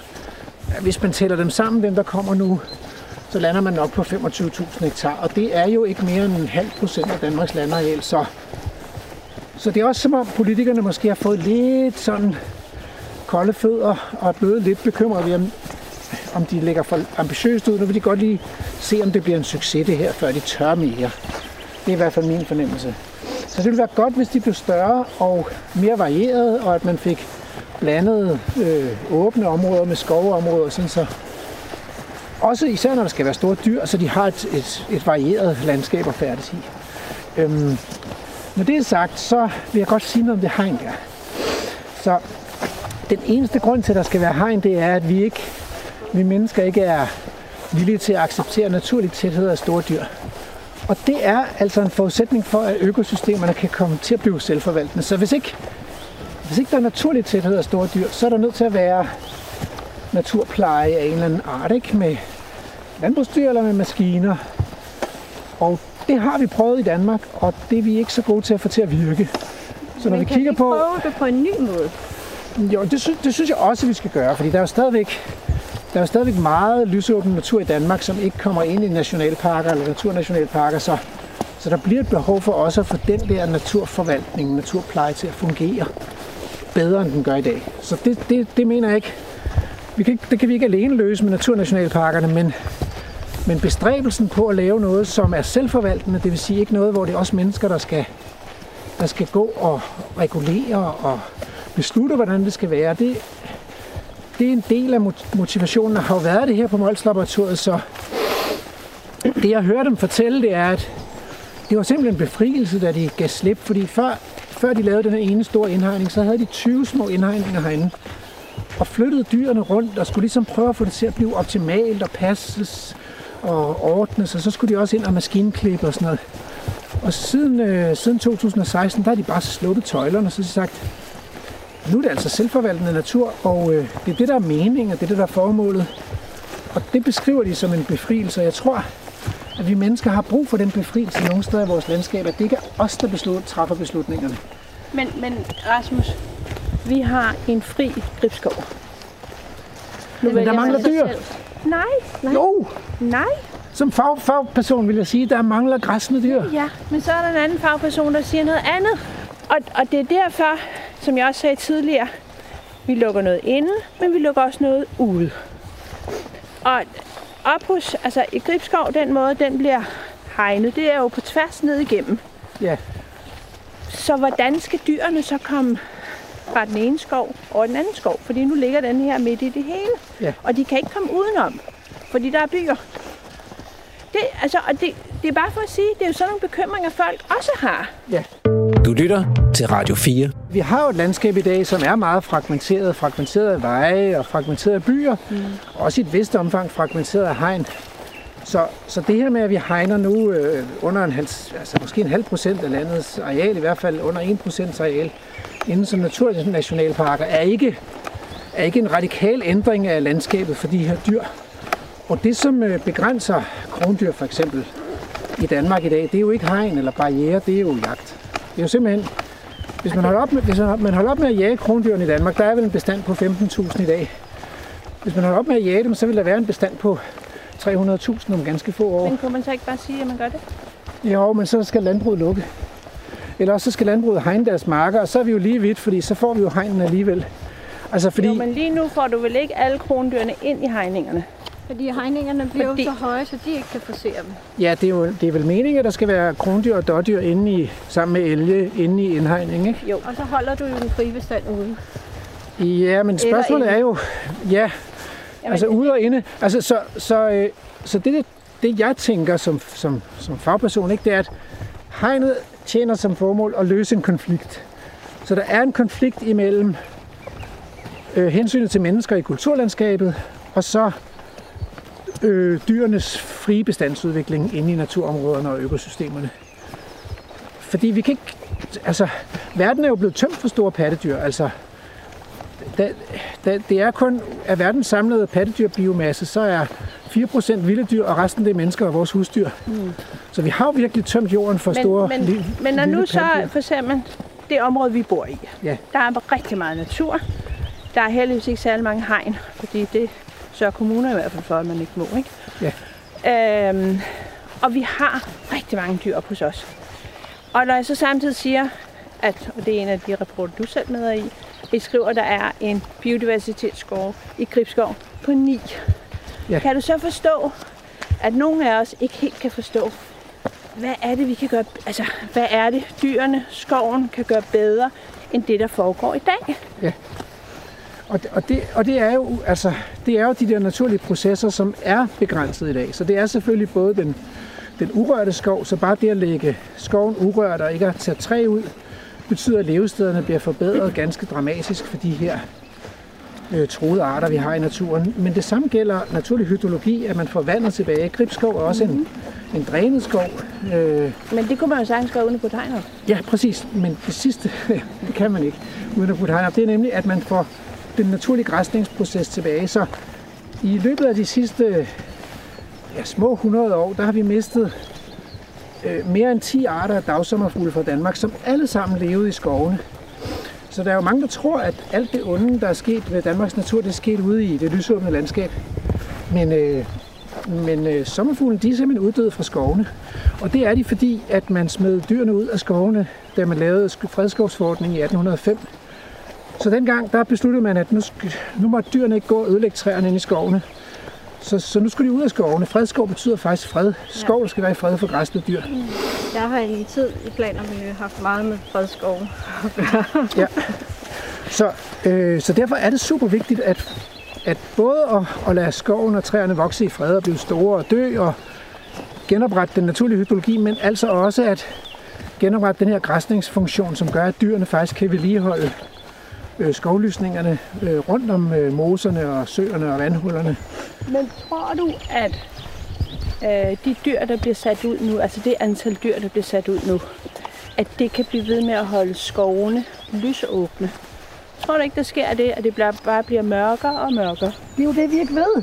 Det er jo det, der er så rasende spændende, og som også er, hvad kan man sige, altså jeg er lidt bekymret ved at, at, at afsløre mig selv som videnskabsmand, men det er jeg også. Så, er så jeg, er altså også, jeg er altså også en kærlig dyreven, men jeg er også videnskabsmand, og det er faktisk rasende interessant at finde ud af, hvordan, hvordan bliver vores natur, fordi der er jo pollenforskere, der siger noget om, hvordan var det i gamle dage og sådan noget, mm. men det er alt sammen tolkninger. Og der er lidt uenighed om, hvordan fanden ja, her skal det tolkes, er, altså. kan vi høre. Ja, det er der. Så, øh, så, så det kan man ikke blive klogere på, vi kun at grave i, i aflejringer. Man er også nødt til at prøve det af i virkeligheden. Og måden at gøre det på, det er selvfølgelig at lave et økosystem, hvor, hvor vandet og de store dyr er kommet tilbage, og hvor man, lader, hvor man holder op med at tage træet ud af skoven. Hvor i alverden er de dyr hen? Ja, de var her Vi før. går, og vi går, og, og Ja. de er bare stukket af, altså. Det kan være, vi, bare- vi har set dem. Vi har stod hernede. Og man, der er jo ikke, ikke noget ved at drikke kaffe, uden at Ja, have udsigt til nogle dyr. må vi tage den skønne udsigt. Ja, det er andet for. Men, men Rasmus, som du selv siger, vi ved det ikke. Vi bliver nødt til at finde ud af det. Ja. Kan du så forstå dem, der siger, behøver vi at bruge 888 millioner på det? Kunne vi gøre noget andet? Jeg tror, man kunne, hvis man lavede lidt mindre projekt og, og afskedede nogle medarbejdere i Naturstyrelsen, så tror jeg godt, man kunne få det noget billigere. Altså fordi, ja, sagen er jo den, at naturen... Nej, Der simpelthen. Naturen kan jo selv. Ja. Så vi behøver ikke at bruge så mange millioner på det. Jeg kunne bare godt, jeg synes bare, det er ærgerligt, at hele den her snak om biodiversitet og tabet af den, det kommer til at handle lige nu om de her kommende 15 nationalparker. Ja. Og hvor jeg jo i virkeligheden synes, det skulle handle i langt højere grad om en adfærdsændring. I alt i vores by, kan man sige, produktion, eller vores Bynatur. vores bynatur, som er manglende og udeblivende, fordi vi skal have pæne, nydelige parker. Altså den måde, vi bygger huse på, øh, kan laves meget mere biodiversitetsvenlig. Den måde, som vi afleder øh, overfladevand og altså i det hele taget den måde, som parcelhuse indhegner deres øh, haver i, i øh, trykimponeret træ og øh, hælder Roundup ud, uden, kan man sige, at have nogen forstand på målestoksforhold og sådan noget, så hvor fuglene fra skoven flyver lige ind, finder ormene der, og så flyver de ud og giver dem til deres huleunger, som så dør af det. Altså, det, det, det, jeg kan bare ikke forstå, at vi, at vi skal udelukkende, fordi det er sådan, det virker. Mm. Som om, at man politisk inde på Christiansborg har valgt den her, for jeg er jo lige så meget i kamp med politikerne, mm. om at de vil ændre dyrevelfærdsloven øh, til, til gavn for det her. Hvorfor fanden tager I ikke ansvar og begynder at ændre vores adfærd som mennesker ved at... Men, det, men, der, men dyrene har ingen stemmer. Det har byboerne og parcelhusejerne og landmændene. Så det du egentlig siger her, det er, at du, du synes, strategien er, er forkert, eller, Ja. eller, eller det enårede fokus er forkert, eller er det sådan, er det sådan Ja. skal forstå det? Altså fordi, Og jeg synes, det er dyrene, der igen kommer til at betale prisen. altså, Ligesom de betaler tre prisen dyr, for... Altså nu ser vi nogle heste, vi er lige kommet til nogle eksmor pony. Er det dem, der betaler prisen? Er det, du tænker? Eller Det er alle dem, der er blevet taget ud, som var for sultne. Nå, ja. Ham der, han ser jo vældig Jeg ser ikke så godt helt ud.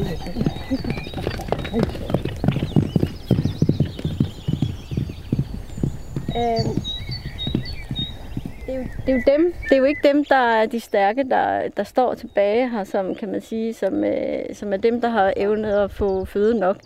Øh, Det er jo dem, der bukker under, og de det er dem, der bliver syge. Og den der, der går rundt med en stor syste, der ikke bliver gjort noget ved herude, Ja. ikke? Den er blevet tilset af dyrlæger, og man har, man har valgt at så sige, at dyret lider ikke, og øh, den skal ikke fjernes, og den skal ikke håndteres. Og den vil måske falde af. Sådan, så det er den forklaring, jeg har fået. Altså i hvert fald er de jo blevet tilset af dyrlæger, så det er ikke... Øh, Men, men Rasmus, nu, nu er vi lige over det her dyrevelfærd. Ja. Vi har haft hele med den her GPS-sender. Ja. Godt. Den er du nødt til lige at forklare. Eller, altså, Ja, ja, så der var en GPS-sender, og, det, og den sætter man på for at kunne følge, hvor dyrene er henne i terrænet som en del af forskningsprojektet.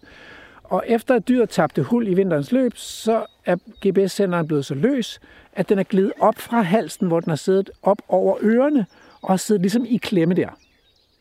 Og det var en hoppe, og hun var drægtig, og man vurderede så, lagde en, en plan sammen med dyrlægen om, at øh, hun skulle først fole, og så skulle den fjernes, den der sender.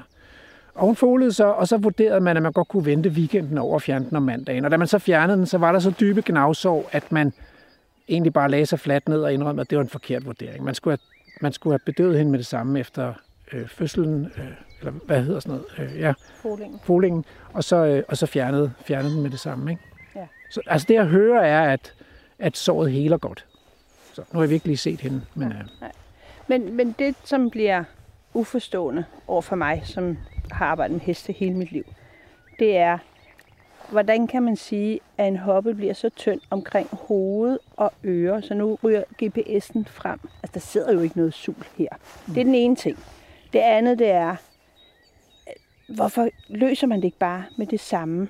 Og jeg ved godt, den var i fol og alt muligt andet. Men det er jo lidt, den, det, er jo lidt det, man har valgt herude at sige, at vi har vilde heste, men vi vælger alligevel at sætte en GPS på den. Ja. Måske skulle man have været klogere at sige, jeg skal ikke sætte en GPS'er på en hoppe, der er i fol. Ja. Og det, jeg, jeg ved godt, de har lagt sig ned og sagt sådan og sådan, ja. og vi gjorde fejl. Men det er jo først, da der virkelig kommer pres, altså for pressen og dyreværn og alt muligt, at man vælger at gøre noget. Og det er det, jeg, altså, det har jeg rigtig, og jeg det ved, at der er rigtig mange heste og dyremennesker, der er rigtig svært ved at forstå, hvorfor gør Molslaboratoriet ikke noget, når nu de observerer tingene, og det er der, mistroen den kommer. Mm. Det er det samme, altså, jeg synes, det er et fantastisk projekt, man har kørende her. Mm. Men når man begynder at, at være lidt kreativ med CHR-nummer, og vi kan ikke rigtig få at vide, hvad foregår her. Øhm, altså, der er ikke noget fakta, jeg kan gå ind og læse. Stod du, dut. Og det her med, hvor mange dyr var der taget ud, der gik rigtig lang tid, før vi kunne få noget information om det. Ja. Og jeg tror, det er med til at gøre, at folk bliver meget mistroiske. Ja. Øh, men, men det, tror jeg ikke, det vil jeg ikke svare så meget nej, på, fordi nej, jeg ikke, men, jeg, men det, det kan ikke, øh, det. ja, så ikke? jeg kan ikke, simpelthen fordi jeg kan ikke svare præcist nok nej, på det. Så vi, vi ved jo, at der har været en masse tilsyn, og, og Mols er blevet frikendt, så myndighederne har været på besøg, og, og der er skrevet tilsynsrapporter og sådan noget. Ja. Så, så meget ved vi i hvert fald. Ja. Og omkring GPS, jeg arbejder sammen med kolleger, der er, øh, arbejder med dyr, øh, altså de forsker i fugle og pattedyr, og de sætter GPS-sender på alt, altså også på rigtig mange vilde dyr, gæs og rådyr og krondyr og dårdyr. Og det går ikke altid godt. Det går som regel godt, men, men ikke altid godt, fordi at der er en risiko ved den her forskning. Ikke? Jeg har også kolleger, der sætter GPS'er på valer og sådan noget. Altså det, det er måden at gøre det på, og det er et, et, et lille indgreb, og der foregår en, en vurdering af dyrevelfærd i forbindelse med den forskning hele tiden, ved jeg, og man skal rapportere, hvad man gør og sådan noget. Jeg vil gerne tilbage til den der med, hvorfor? Altså, hvor, hvorfor gør vi overhovedet det her? Øhm, og så vil jeg stille jer det spørgsmål. Kan, kan, man, kan man ikke vende den på hovedet og så sige, det der vilde dyreliv, som de lever her, altså et, et liv med ekstremt minimal indblanding af mennesker. Det vil sige, de lever stort set deres eget liv, og man kan mærke det, når man kommer tæt på dem. De har ikke noget at gøre med nogen her, og hvis man skal have fat i dem, så skal man bedøve dem, fordi de, de, de lever rent faktisk vildt. Ikke? Kan man ikke også vælge at se det som det ultimativt fine hesteliv, eller gode hesteliv, set fra et, simpelthen et hestedyrevelfærdsperspektiv? Og nu kommer så det allersværeste spørgsmål. Når dyrene så blev, bliver aflevet der, fordi der er knaphed om vinteren, uanset om det sker i proaktivt i november eller reaktivt i marts, helt ærligt, vil dyrene så helst ikke være fri, faktisk? For at blive aflevet? Ja. Er der, er der, findes der et vildt dyr, der ønsker, ønsker at få hjælp til at dø? Jeg tænker, du tillægger dyr flere tanker og følelser, end jeg vil tillægge et dyr. For jeg tror ikke, jeg tror, altså, nu, jeg har kun arbejdet med heste hele livet. Jeg tror ikke, at jeg kan spørge en hest, hvad vil du helst? Fordi det kan det, vi jo ikke. Nej, fordi det er den ikke klog nok til. Præcis. Men jeg er sikker på, at den ikke synes, det er sjovt at sulte. Og, og det kan jeg jo se, fordi det kan jeg jo se på mine egne dyr derhjemme. Og, og jeg, mine dyr lever ikke lige så frit som her, mm. men de lever meget frit. Mm. Øhm, så jeg prøver at gøre det så frit, jeg kan. Men jeg synes også samtidig, at os, øh, så kan vi kalde os rideskoler eller hestesteder eller hvad, vi er faktisk også med til at få at lave en forståelse for dyr. Jeg er med til, at nogle børn får en forståelse for, man skal være ordentlig over for et dyr. Man skal have respekt for et dyr. Men det synes jeg også, Mols Laboratoriet er. Fordi, ja, præcis. fordi at man viser altså... dyr, der lever naturligt og vildt, og selv får lov til at, at parre sig frit med hinanden. Det gør ud fra, at jeres hest, eller dine heste ikke gør. Det vælger du, hvornår det skal ske. At de får selv lov til at have yngelpleje, når de... Men du vælger, hvornår de skal parre sig i forhold til foder. Jeg vælger i forhold til, og det handler om det samme. Det handler om foder og plads. Der er ikke nogen, der vælger noget her. Det gør, jo, nej, fordi, fordi man du sat... vælger, hvor meget foder de må gå på. Nej.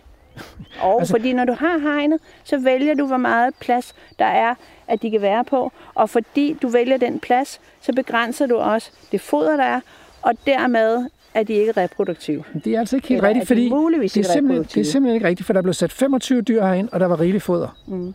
Så det, der begrænser fodret, det er ikke mig. Det er dyr, det er bestandsvæksten. Uanset om du har et område på 100 hektar, 1000 hektar eller en million hektar eller hele Danmark, så er det sådan, at en bestand, der har det godt, vokser indtil den ikke længere har det godt.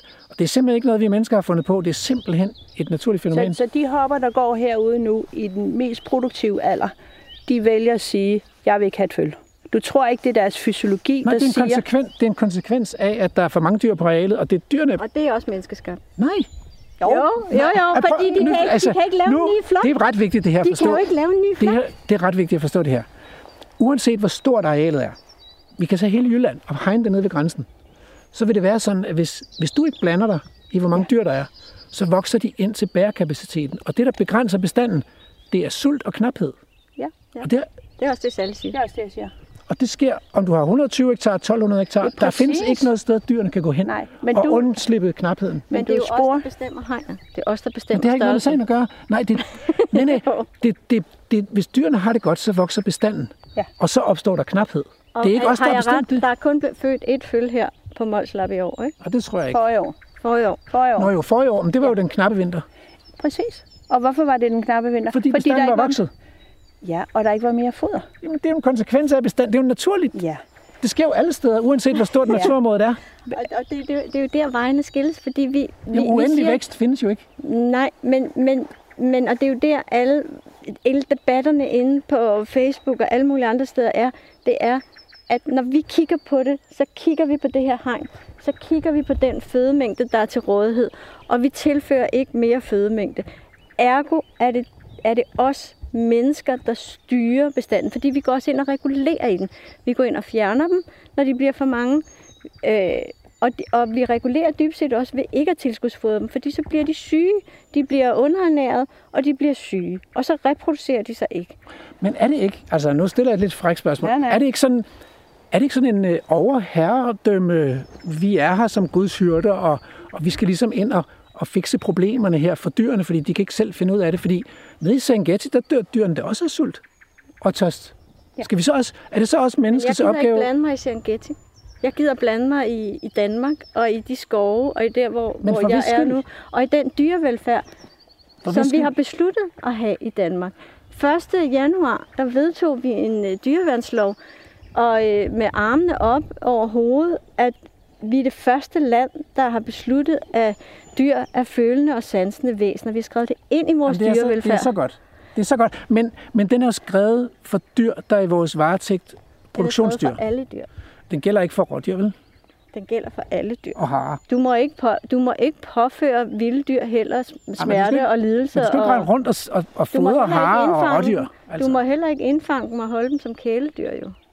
Nej, men, men øh, jeg vil stadig holde fast i, at den der lov, den er lavet for de dyr, som vi har i vores varetægt. Det har vi også, når vi har dem her.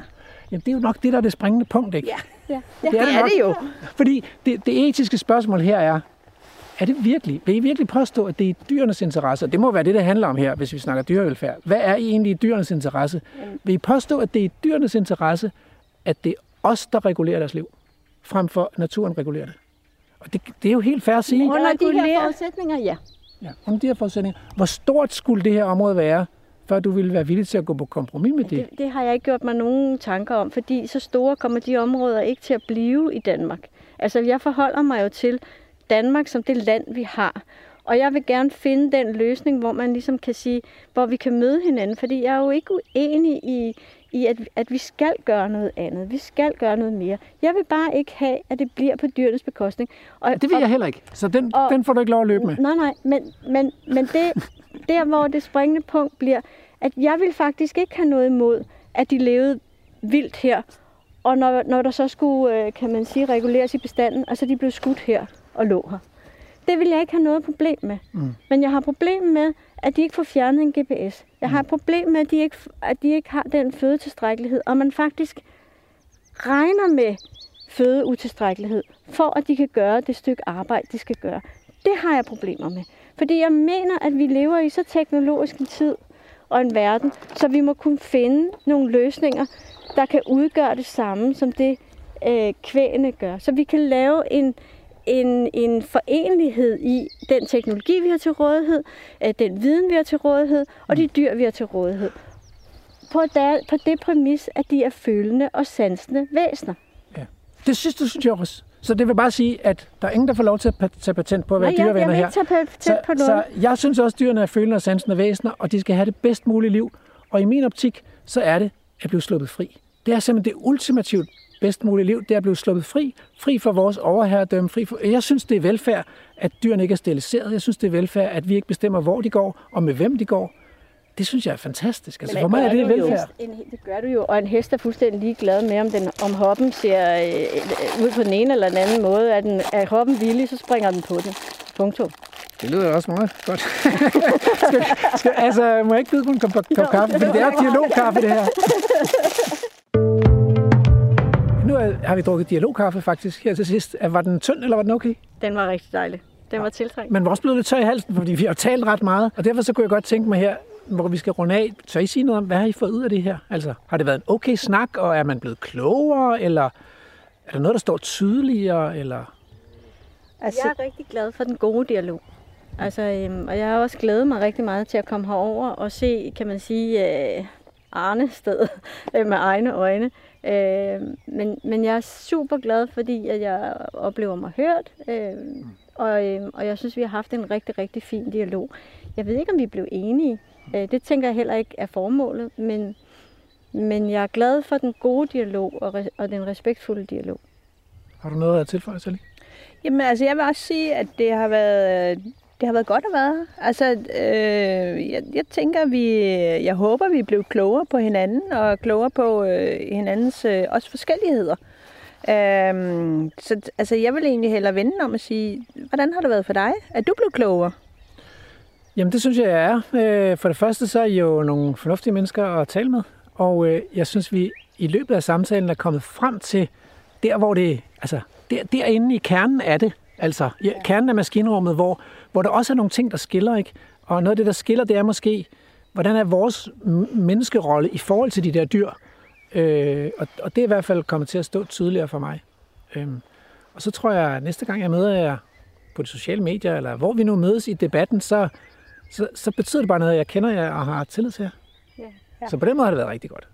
Vi kunne faktisk rigtig godt tænke os at invitere dig over til Søborg Sø, fordi at Sally jo har afgivet rigtig meget jord til Søborg Sø-projektet. Øhm, det kunne vi godt tænke os at, øhm, at tage en snak derover. Kan jeg få min lydmand med, øh, Andrew? Gerne. Jamen, så tror jeg, jeg vil sige tak for invitationen. Det er dejligt. Men så skal der også være kaffe og, og kage. Det lover vi. og det bliver også hjemme Ja. Sådan. Så øh, kører Susan og Sally afsted. Og vi skal til at slutte programmet. Vi mangler bare lige to ting. Ja, vi mangler to ting. Fordi for det første, så skal jeg lige lægge op til ugens politiker. Og jeg tror, det er Jakob Jensen fra Venstre. Ja. Vi, øh, vi har snydt hjemmefra, som man siger, i, øh, i kokkeprogrammer og optaget Jakob Jensen tidligere. Så det er altså Jakob Jensen fra Venstre. Og det er jo ugens naturpolitiske indslag og øh, interview. Og så er der jo øh, haiku. Ja. Sådan et Ja. er der altid. Tager lige Jakob først, ikke? Vi tager Jakob først. Så er vi nået til øh, ugens naturpolitiske ordfører. Og øh, i dag er det Jakob Jensen fra Venstre. Men er du i virkeligheden miljøpolitisk eller naturpolitisk ordfører? Jeg vil sige, at i vores tilfælde er det vel øh, rundt regnet det samme. Okay. Øh, jeg har en titel af miljøordfører, men jeg tror, jeg dækker sådan det meste på det grønne område, og så har jeg selvfølgelig en, en samarbejdsflade over mod Tommy Ahlers, som er vores klimaordfører. Så hvor snittet lige præcis ligger, det tror jeg, vi finder ud af sådan fra sag til sag. Og, og det er jo helt fint internt i partiet, men her på Vildspor, der er vi jo lidt ude efter, om natur har fået sin eget dagsordenspunkt, eller om det ligesom er pakket ind under noget af det andet. Så det, det, det er derfor, jeg lige øh, fiskede efter det, ikke? Jamen altså, øh, altså man kan sige, at natur øh, har jo sit eget dagsordenspunkt, men, men altså, jeg tænker nu, jeg ved godt, det er måske, når vi nu er i et program som Vildsborg, så er der sikkert også mange fagfolk, der, der lytter med og siger, ej, han er helt gal på den, når han siger, at miljø og natur er det samme. Og det, er, ikke- det kan man selvfølgelig diskutere, men, men for vores vedkommende, den politiske dagsorden, vi prøver at sætte, det er, det er mig, der er ordfører for det, øh, uanset om vi taler miljø eller natur, eller om det så i øvrigt øh, falder under samme hat. Og nu springer vi ud i det. Så det første punkt i vores øh, lille øh, spørgetime, det lyder, i, i et rigt land som Danmark, hvor mange procent af landarealet og havterritoriet tænker Venstre så, at det giver mening at prioritere til den vilde natur, altså steder, hvor naturen har forrang for landbrug og skovbrug og, og, og jagt og fiskeri og bebyggelse, og alt det der, som vi mennesker har gang i ude i landskabet? Men jeg synes, at der er brug for, at man også får sat nogle mål op for det. Øh, og der er jo, øh, EU har jo nogle forskellige målsætninger. Det ved jeg godt, det er på EU-niveau, og der føler man sig så ikke nødvendigvis alle steder forpligtet til at leve op øh, til de målsætninger, altså henholdsvis de 10 procent urørt og 30 procent, når vi taler på havet, det man kalder beskyttet. Øhm, men altså, jeg synes i hvert fald, det er fint at prøve at sige, kan man sige 10 procent øh, i forhold til øh, det, som man i hvert fald i en stor del begrænser menneskelig påvirkning. Men jeg synes til gengæld også, at man godt må lave nogle nuancer, altså hvor der godt kan være øh, noget aktivitet, øh, for eksempel vi ude på havet, altså det kunne godt være øh, skånsom fiskeri, lystfiskeri, eller man i hele taget har noget turismeindsats eller andet. Det kunne være på land, hvor man godt kan have noget regulering, noget jagt inden for en vis øh, størrelse øh, men hvor man samtidig også øh, kan man sige, sætter ind i forhold til at sikre, at der så også er urørt natur i, i en vis udstrækning. Jeg synes ikke, det behøver at være kan man sige, sort eller hvidt. Øh, der må godt være en, en, en balance, fordi mennesket skal også have mulighed for at være her, men samtidig skal vi også have mulighed for at give mere plads til, at naturen den også kan brede sig. Så jeg synes, det er, det er fint at have nogle målsætninger. 10 procent kunne være et sted. Men jeg synes til gengæld, at det er vigtigt, at man også tænker, hvad er det for nogle procent? Fordi det er jo ikke bare at sige, nu har vi noget urørt. Altså det, der er også meget, meget stor forskel på, hvad man så får ud af det i forhold til biodiversitet og natur i, i det hele taget. Så, så du tænker egentlig, at vi, vi skal være med, øh, ligesom de andre lande skal være forpligtet, øh, også i Danmark, til at, at levere på de der EU-målsætninger?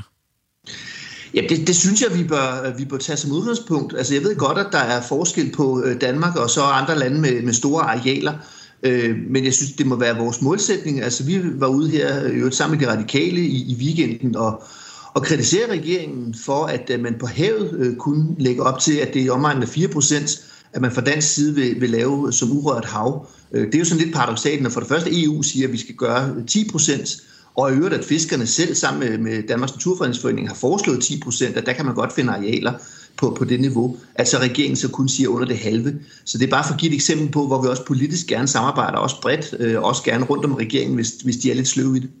Altså et sidespring.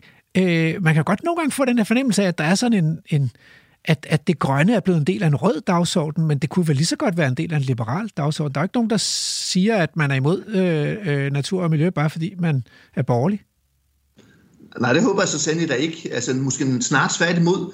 Øh, fordi hvis jeg skal sådan øh, spille lidt op imod mine gode kollegaer på venstrefløjen, så har de måske mest en tendens til netop, apropos dit første spørgsmål, at sige øh, procenter og hvor mange hektar skal der være med urørt skov og sådan noget. Der, det vil jeg også gerne være med til at diskutere, men jeg synes, det er egentlig det relevante er at diskutere, hvad er det for en natur, hvad er det for en, et øh, niveau, som vores biodiversitet skal have, øh, hvordan skal vores havmiljø øh, se ud, hvad er det for en kvalitet, og så derefter tage fat i, hvad er det så for nogle redskaber, der skal til. Og det er ikke nødvendigvis, man bare siger, jo mere, jo bedre. Det er også noget med kvaliteten, altså for eksempel, lad os tage urørt skov. Det er fint med urørt skov, men det handler ikke kun om volumen. Det handler det sikkert også om, men det handler også om, at man har nogle øh, lysninger, man har nogle, øh, nogle åbninger, og, og man kan sådan set få i visse udstrækning lige så meget biodiversitet ved at have flere forskellige, men mindre øh, urørt skovarealer, i stedet for at have måske en stor klump øh, sat sådan lidt på spidsen. Så jeg vil meget hellere snakke kvalitet, hvor venstrefløjen måske nok mere har en tendens til at tale øh, volumen øh, i, i den her diskussion. Men 10 procent er jo alligevel meget, ikke? Så, så selv hvis man tager alle statens arealer, så kommer man op på med Naturstyrelsens på en 5 procent af landarealet, og hvis man lægger nogle af militæret til, så kan man måske komme op på en 6-7 procent af land. Der mangler jo stadigvæk noget, altså så øh, hvordan skal man finde den der, den der plads? Jamen, der, det handler selvfølgelig også om, at nogle af de arealer, øh, vi taler jo meget om lavbundsjord inden for landbrugsområdet, altså man tager, finder nogle af de mindst produktive arealer mm. og omlægger dem, øh, og, og så vil du straks sige, hvad så med det der enhedslisten var ude med her forleden dag, var det ikke lige noget, I kunne købe ind i? Altså der skal selvfølgelig også være en realisme i, i de her ting, men der er selvfølgelig arealer, og det siger landbrugsorganisationerne også selv, hvor der er en rigtig god idé i at omlægge det. Øh, det kunne være til minivådområder, det kunne være skovrestene, det kunne sådan set bare være, at det ligger ud i, i eng eller på anden vis i forskellige andre varianter. Øh, fordi det netop er øh, lavbundsjord, det har ikke den store produktionsværdi. Til gengæld vil det faktisk kunne give en rigtig god også både miljø- og klimamæssig værdi, hvis man lavede eksempelvis græsareal eller overrislede det så, så, så det er det, øh, vi ser, der er muligt for at komme øh, højere op på kan man sige, procenten. Men altså, hvis man tager de der lavbundsjord, så lægger dem op i græs, eller biomasse, eller planter dem til med skov, eller sådan noget, så, så, så bliver det jo ikke natur. Altså, det er jo lidt at snyde på vægten. Så hvis det skal blive til natur, så skal man jo give, så skal man jo ikke til at producere noget nyt på dem. Så skal man jo, eller solceller, eller så skal man jo rent faktisk give plads til den der vilde natur. Er, altså, er I klar til det?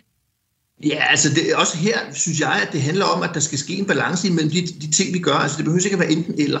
Øh, fordi det, at man øh, laver øh, kan man sige, plads til andet end den kan man sige, hardcore produktion, det kunne også godt være netop til biomasse. Det kunne også godt være til, at man har græs til, øh, til proteiner, som proteinafgrøder, og man så dermed undgår, at man så skal øh, Øh, kan man sige, fælde regnskoven i Brasilien for at få tilsvarende øh, effekt, øh, eller, eller hvad det nu kunne være. Altså der bliver vi nødt til at se det her også i et bredere internationalt kontekst, men jeg synes, at noget kan være helt urørt, men noget må også godt være du kan kalde det, du, du siger, det er så ikke natur. Jeg synes nu alligevel, det godt kan være natur, men så måske så lad os kalde det friseret øh, natur i en eller anden udstrækning.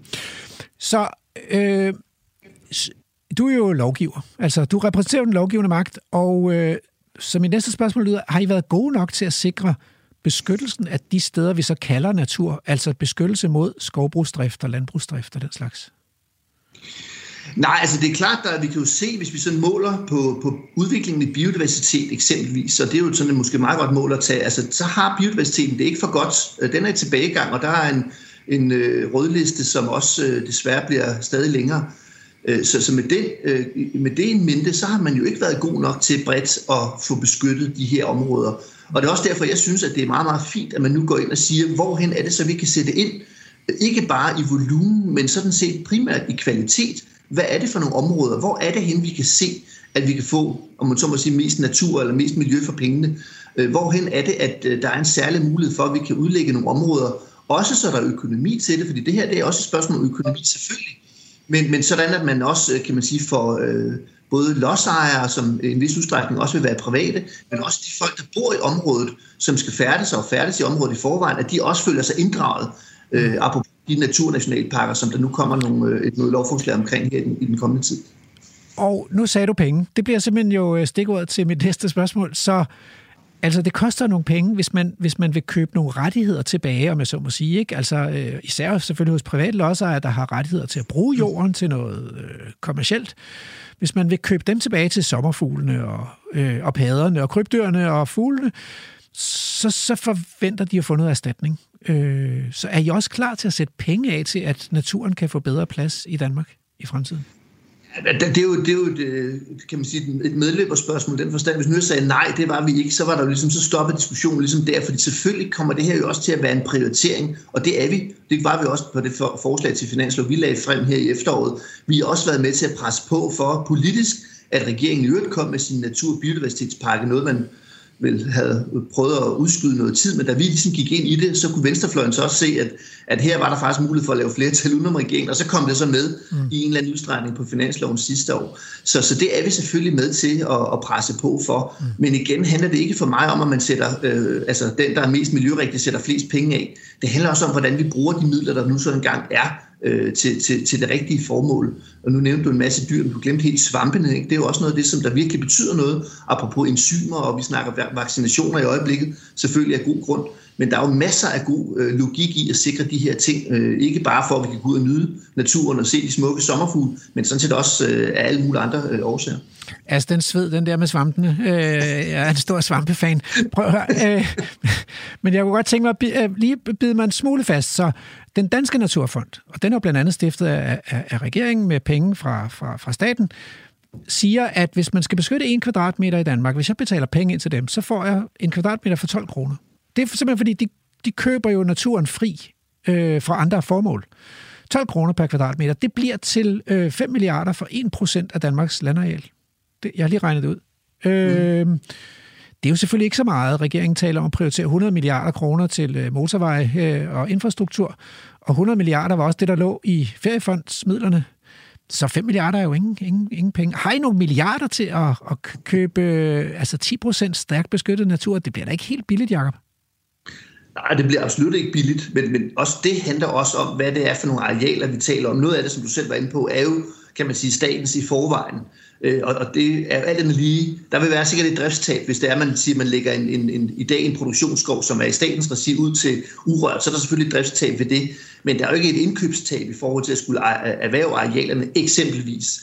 Øh, og så tror jeg så også, jeg tror, jeg tror faktisk rigtig meget på det her med, at det behøver ikke at være enten eller. Det behøver ikke at enten være, at man så køber det op i statens regi, eller også så gør man det ikke. Altså jeg tror også, der er nogle mellemveje, hvor man for eksempel siger til nogle store lodsejere, og det ved jeg også, at der er idéer omkring på bordet, at øh, I beholder sådan set ejendomsretten, for det tror jeg betyder noget for nogen. Det kan være godser eller andre, som har haft det her jordareal i 100-500 år, hvad ved jeg, i, i familiens eje. I beholder ejendomsretten. Til gengæld køber vi så kan man sige, øh, brugsretten, om man vil, ud. Øh, og, og det er ikke nødvendigvis den samme pris, vi så dermed taler om. Så jeg tror faktisk, der er nogle forskellige modeller, man godt kan arbejde med, så det ikke bliver, var det 12 kroner per kvadratmeter, men det bliver måske øh, noget mindre, trods alt. Jakob Jensen øh, fra Venstre, tusind tak for at gøre os klogere på jeres øh, naturpolitik. Men nu har Jakob været der. Nu skal vi have haiku. Ja, lige præcis. Vrede gemytter viser hinanden tillid. Sandhedens vugge. Programmet er produceret af Folkeuniversitetet og Aarhus Universitetsforlag for Radio 4.